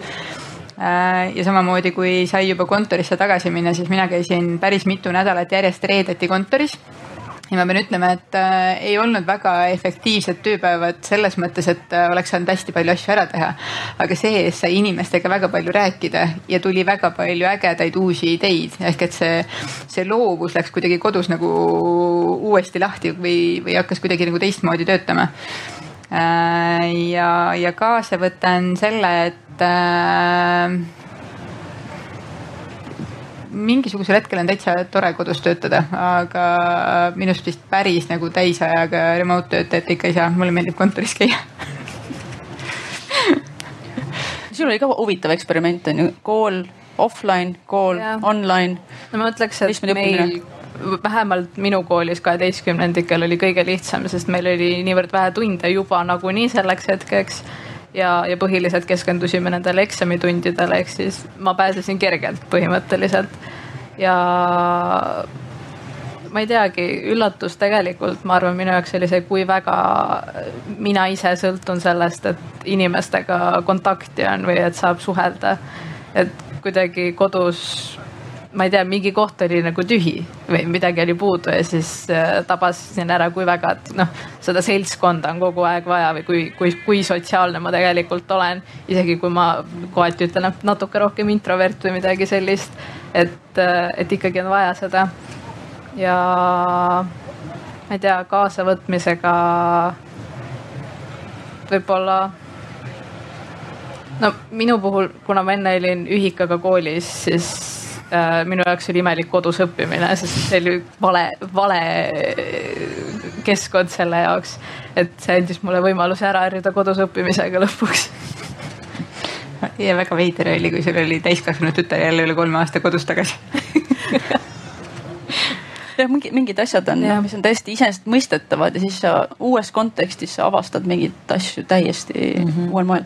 ja kuidas, kuidas sinu vaade sellele ajale, Riin? mu jaoks on olnud ka väga huvitav aeg ja kuidagi võib-olla kõige rohkem jah, et, et on see, et ongi noh, kindlasti minu eluaja kõige suurem eksperiment sellest, et mil viisil üldse on veel elada võimalik, et selline tõeline nagu life design, eludisaini eksperiment ja, ja kuidagi võimalus hakata mõtlema päriselt, et et tegelikult, kui me nagu oleme harjunud nagu selle tavaeluga, et siis me unustame võib-olla ära endalt küsida ka, et miks me mingeid valikuid oleme teinud või kuidas me elame, et kas see on see tegelikult ka see, mis meid päriselt toetab.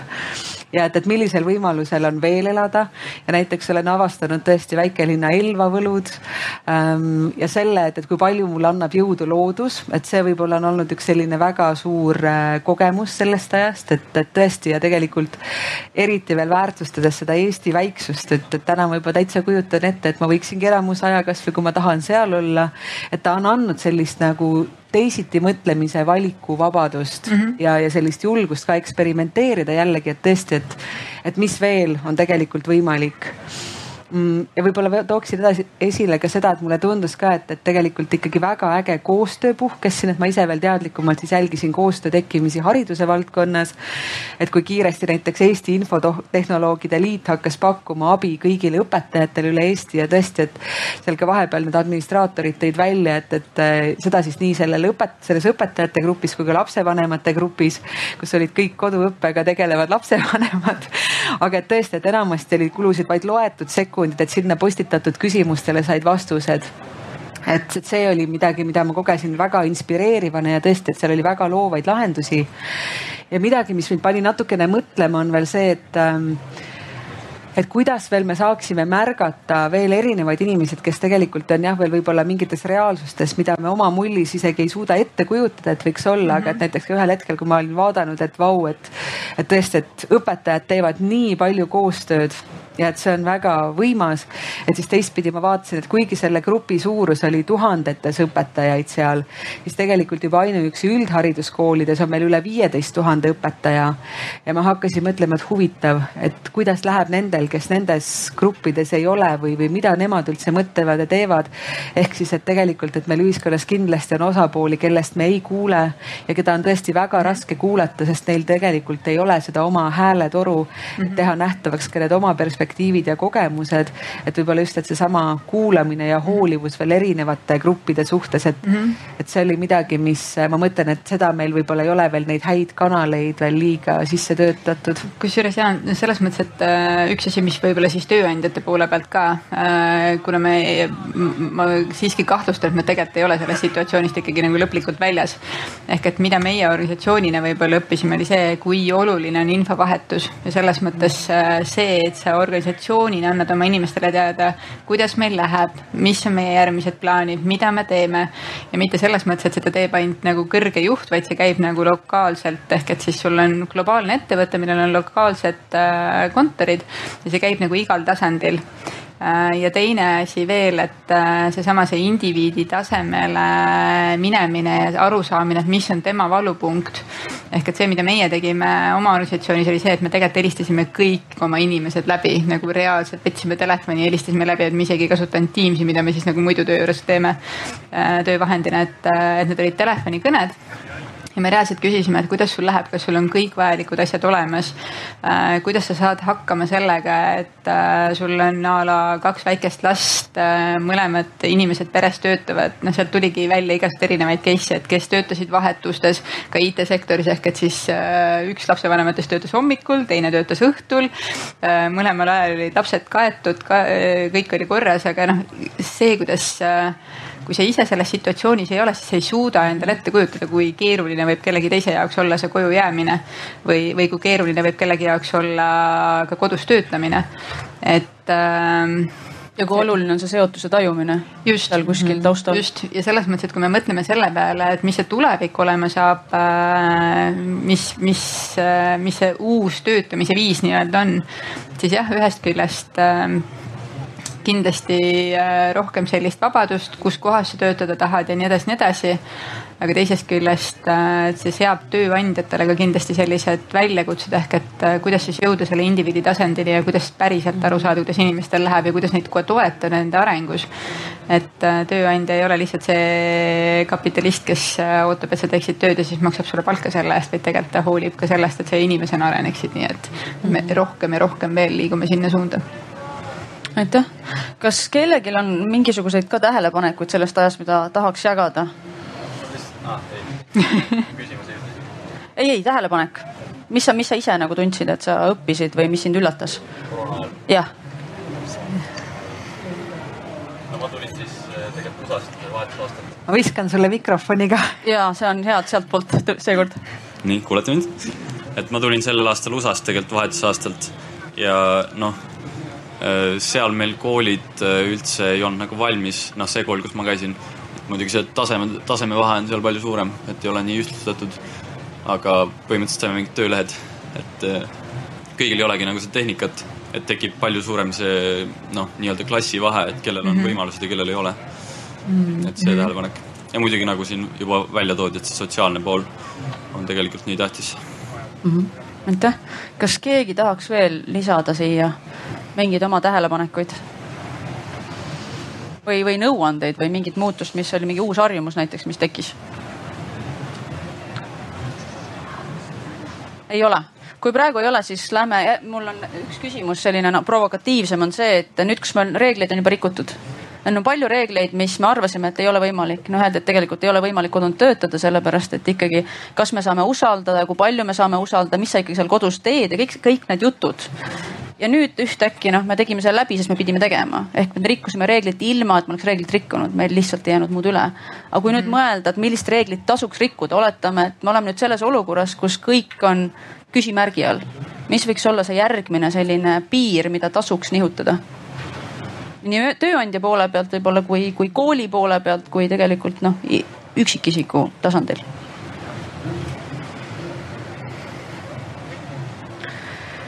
ma võib-olla ei mõtleks seda sellises võtmes nagu reeglite rikkumisena, vaid ma pigem äh, läheneks sellele asjale selliselt, et nagu me oleme juba rääkinud, et Eesti on olnud üsna hästi valmistunud selleks situatsiooniks, mis meid siis tabas siin äh, märtsikuuses, aga kõik riigid ei ole. et, äh, et see ei ole reeglite rikkumine, aga tegelikult see on üks asi, mis äh, maailma mastaabis kindlasti avardas silmi. ehk et digitaliseerimine riiklikul tasandil ja minnes ka tegelikult ettevõtete tasandile. ehk et meil ka selles võtmes on veel nagu pikk tee minna, et me oleksime päriselt ka valmis olema digitaalsed et äh, et jah, see ei ole reeglite rikkumine, vaid pigem on selline nagu kiirendussamm äh, järgmise faasi, järgmise etapi jaoks. Kui me üldse tegelikult jah seda digitaalsust vaatame, siis taaskord tasuks minu arust nagu kahte asja eraldi vaadata, et riik on meil minu arust väga hästi digitaalne mm. -hmm keskmine ettevõte ei ole üldse digitaalne. et, äh, et selles suhtes jah, see on ka nagu ja. oluline eristus jälle minu arvates. jällegi see, et Eesti on nagu päris kenasti digitaalne, aga ka riigi tasandil absoluutselt erinev pilt, eks. Või seesama USA näide minu arust on nagu jällegi väga hea, et, et äh, juba sellisel kooli tasandil või et kus keegi on või seesama kihistumine, et kõik, kõik see tuleb siia mängu. absoluutselt ma ütleks üks, üks asi, mida ma arvatavasti saan võtta, on kui ma hakkangi mingi hetk tuleviku tööandjat vaatama ja nii edasi, siis kuna mul nagunii ei ole väga suurt pilti või aimdust, milline see tööturg või ettevõtete sisekliima või muud asjad on, siis mul lihtsalt ei ole võib-olla nii palju võimalusi või kogemusi. siis üks asi, mida saab vaadata, on kuidas see ettevõte reageeris siis, kui kriis oli mm. -hmm. et mida nad tegid ja siis selle põhjal enda mm -hmm. hinnanguid ja otsuseid teha mm. -hmm. see on, see on väga-väga te terane point hea lakmuspaber ja ma mõtlen veel, et ma jään kuidagi veel selle sama eksperimenteerimise mõtte juurde ka, et, et kuidagi julgeda äh, rohkem küsida, ma arvan, asjade kohta, miks, et miks me neid asju nii teeme. Ja võib-olla ikkagi mõtlema ka, et, et mis need siuksed veidi ka teinekord pöörasena tunduvad stsenaariumid võivad olla ja ma ei tea, minu kuidagi jälgimised elust on küll niimoodi, et isegi kui me mõtleme, et mingi asi on pöörane, siis tegelikult tihti ikkagi elu võib osutuda veel pöörasemaks, et, et ma mõtlen, et ei ole üldse nagu olemas ikkagi liiga hulle ideid, vaid on ikkagi, kõik on nagu ühtviisi nagu ikkagi olulised ja head ideed, et ka need, mis mm. tunduvad lihtsalt tõesti, et issand, kuidas keegi saab nii mõelda. aga et ühesõnaga, et haarata kinni nendest ideedest ja tõesti tegelikult katsetada mingeid erinevaid lahendusi, et, et lihtsalt tugevdada ja treenida endas seda valmisolekut kohanemiseks mm -hmm. ja nagu noh et kui see ongi tegelikult ikkagi järjest rohkem fakt, et me peame seda ebakindlust järjest rohkem taluma, et siis äh, sellega lihtsalt niimoodi ka loovalt mängima rohkem ja tõesti võib-olla ettevõtete sees annabki teha teatud katsetusi või et ongi, et seal nii-öelda tavapärase mõttes sihukesel äärealal, et meil on seal mingi projekt käimas või ka koolis, et, et äkki on mõni rühm vanemaid ja õpilasi, kes tahavad katsetada mingit uut viisi ja mõned õpetajad, kes tahavad proovida, et näiteks ka meenub üks Hollandi kool, et kus oli ühe vana kooli sisse tehti teine üksus, kus äh, toimus ka niimoodi, et õpilastel polnud enam tunniplaani, nad ise said valida, mida nad tahavad õppida. ja seal oli piisav punt inimesi, kes tahtis seda katsetada ja koolijuht ütles, et ta on mõlema kooli suhtes väga neutraalne. vaatame, kuhu asjad hakkavad järgnema ja täna see nii-öelda alternatiivsem pool järjest kasvab nii et äh, ta ütles, et võib-olla varsti meil ongi ainult see kool, aga ta ei, nagu ei jää kinni ühtegi mõttesse, aga ta on valmis proovima ja mm., ja katsetama kusjuures üks asi, mis äh, mul praegu niimoodi pähe turgatas korra sellest kooli teemast veel rääkides, on see, et äh, meil on peres teine laps veel, kes on siis neljateistaastane. väga tugev mängur selles mõttes, et noh, sihuke tule, tulevane e-sportlane, eks ole.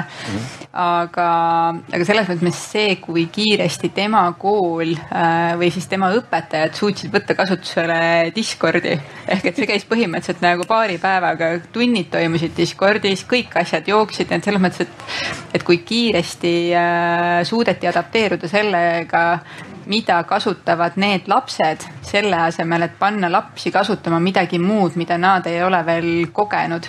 et äh, see shift sellises nagu äh, mõttemustris mulle väga-väga meeldis ja teine asi, mida ma ise kõrvalt tähele panin, oli see, et mu poeg ei õppinud mitte kunagi üksipäini Äh, neil oli oma sõprade kamp, kellega nad siis äh, iga jumala päev äh, istusid lihtsalt Discordis ja tegid koos oma matemaatikat, tegid koos oma igasuguseid muid asju. ja kõiki asju tehti koos, mitte üksipäini. et, ähm, et see oli ka selline huvitav nagu kõrvalt jälgida klass, klass sai lõpetatud, nii et selles mõttes vist läks hästi kuna meil hakkab aeg vaikselt läbi saama, siis ma arvan, et see on nagu hea hetk, kus igaüks saab ühe mõtte öelda mida võiks täna kaasa võtta sellest äh, tuleviku ennustamisest ja tulevikuks valmisolekuks. nii et kes, kes tahab äh, oma sellise he hea mõtte ja soovituse kõigile siin kaasa anda? koju kaasa, kodus tööd? Seni on kõige, ma just mõtlen siis enda nagu tööga seonduvalt, siis ütleme mm -hmm. seda multimeedia, televisiooni, seda valdkonda. et seni on olnud maailmas kõige-kõige suurem kontsert, Rod Stewarti kontsert Copacabana rannas aastal üheksakümmend viis või midagi sellist, kus osales kolm ja pool miljonit inimest. et eh, ja see on olnud selline kõige suurem, nii suurt kontserti pole kuskil mujal nähtud. Ja nüüd mõned nädalad tagasi oli selline USA hip-hopi artist nagu Travis Scott, tema tegi oma kontserdi selles samas Fortnite keskkonnas. Ja seal osales sellel kontserdil kaksteist koma viis miljonit inimest. Mm. -hmm ja, ja see oli lihtsalt üks nii-öelda nagu kontsert on ju, et te teate kõik ilmselt seda filmi Tenet, mis on siin Eestis filmitud selle filmi treiler ei avaldatud Youtube'is nagu seda traditsiooniliselt tehakse, vaid see pandi samamoodi üles sinna Fortnite'i keskkonda, sa läksid oma karakteriga sinna sisse. said seal grillida mingisuguseid asju hüpata asjade peale seda asja vaadata. et, et mis mulle tundub, et selleks tulevikku peaks kaasa võtta, eriti nendele artistidele, kunstnikele, kõigile on see, et see lava millel sul oma seda nii-öelda nagu asja näidata on, muutub tohutult, tohutult, tohutult suuremaks. Kui mm -hmm. sa oskad olla õigel ajal õiges kohas ja teha seda õiget värki mm. -hmm. jah, ja sellest samast teemast lähtuvalt siis äh, seda mõtet on siin juba, ma ise olen seda korduvalt öelnud, et äh, inimestel ei ole enam ühte karjääri kogu elu jooksul. ehk et äh, ma ütleksin, et see on selline kolm pluss erinevat äh, karjääri, mis tekib siis tänastel noortel äh, läbi erinevate töökohtade, läbi erinevate äh, teemade, mis teid kõnetavad elu jooksul. ja sellest lähtuvalt, mida laiem on teie enda silmaring, mida, mida rohkem te suudate kohandada iseennast, mida rohkem te suudate kuulata ähm, seda parem teil endal on. ehk et te loote endale väga tugevad eelduses, eeldused, et tulevikus väga hästi hakkama saada.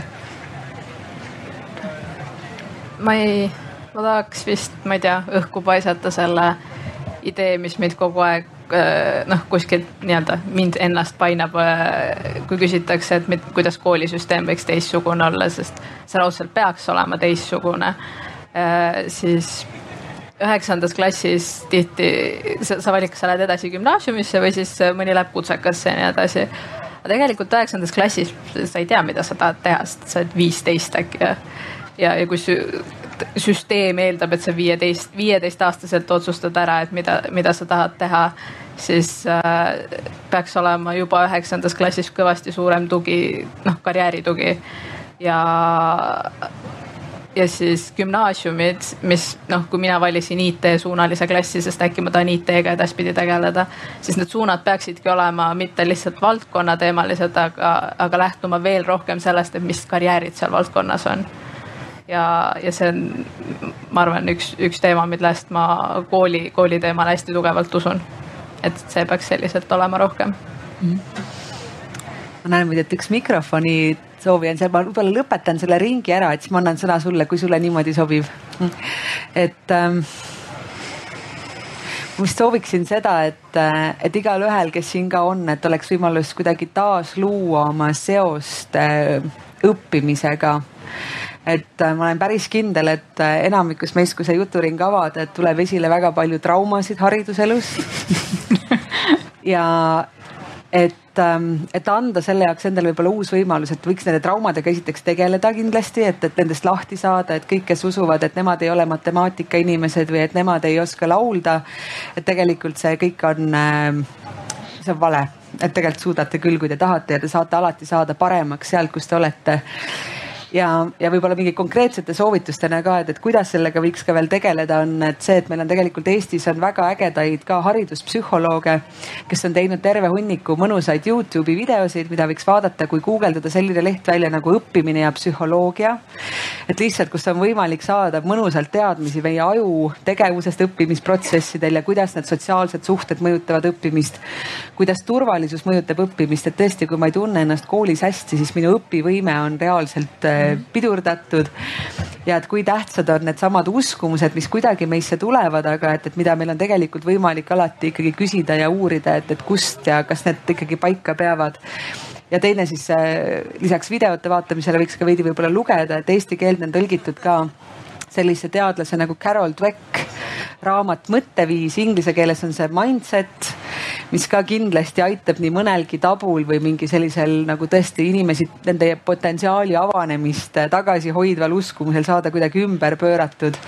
et seda raamatut võiks ka täitsa sirvida ja lugeda, et ei ole üldse raske ja, ja Carol Dwecki kohta võib ka mõne video vaadata, kes ei taha lugeda üldse, et, et see on ka võimalus, et ähm, et ma arvan, see aitab meid valmis olla kõigeks selleks, mis tuleb, sest tõesti, ma arvan, siin võib väga palju veel vakas olla juba meie eluea jooksul, et mis muudab kõike elu, mida me oleme seni tundnud.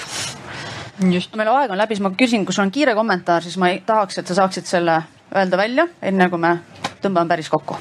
Äh,. väga aitäh. Äh, üks asi on see ka, et tänapäeval koolis ongi selline asi, et kui meil selline karantiini ajal oli meil selline e-õpe, eks siis õpetajad alati tahtsid, et teeme nagu minu moodi, et me kasutame seda keskkonda, et õppida näiteks ühte või teist asja, näiteks matemaatikat või eesti keelt, eks. aga nagu sa rääkisid ka ennem sellest, et nagu, et Discord oli ka selline hea asi.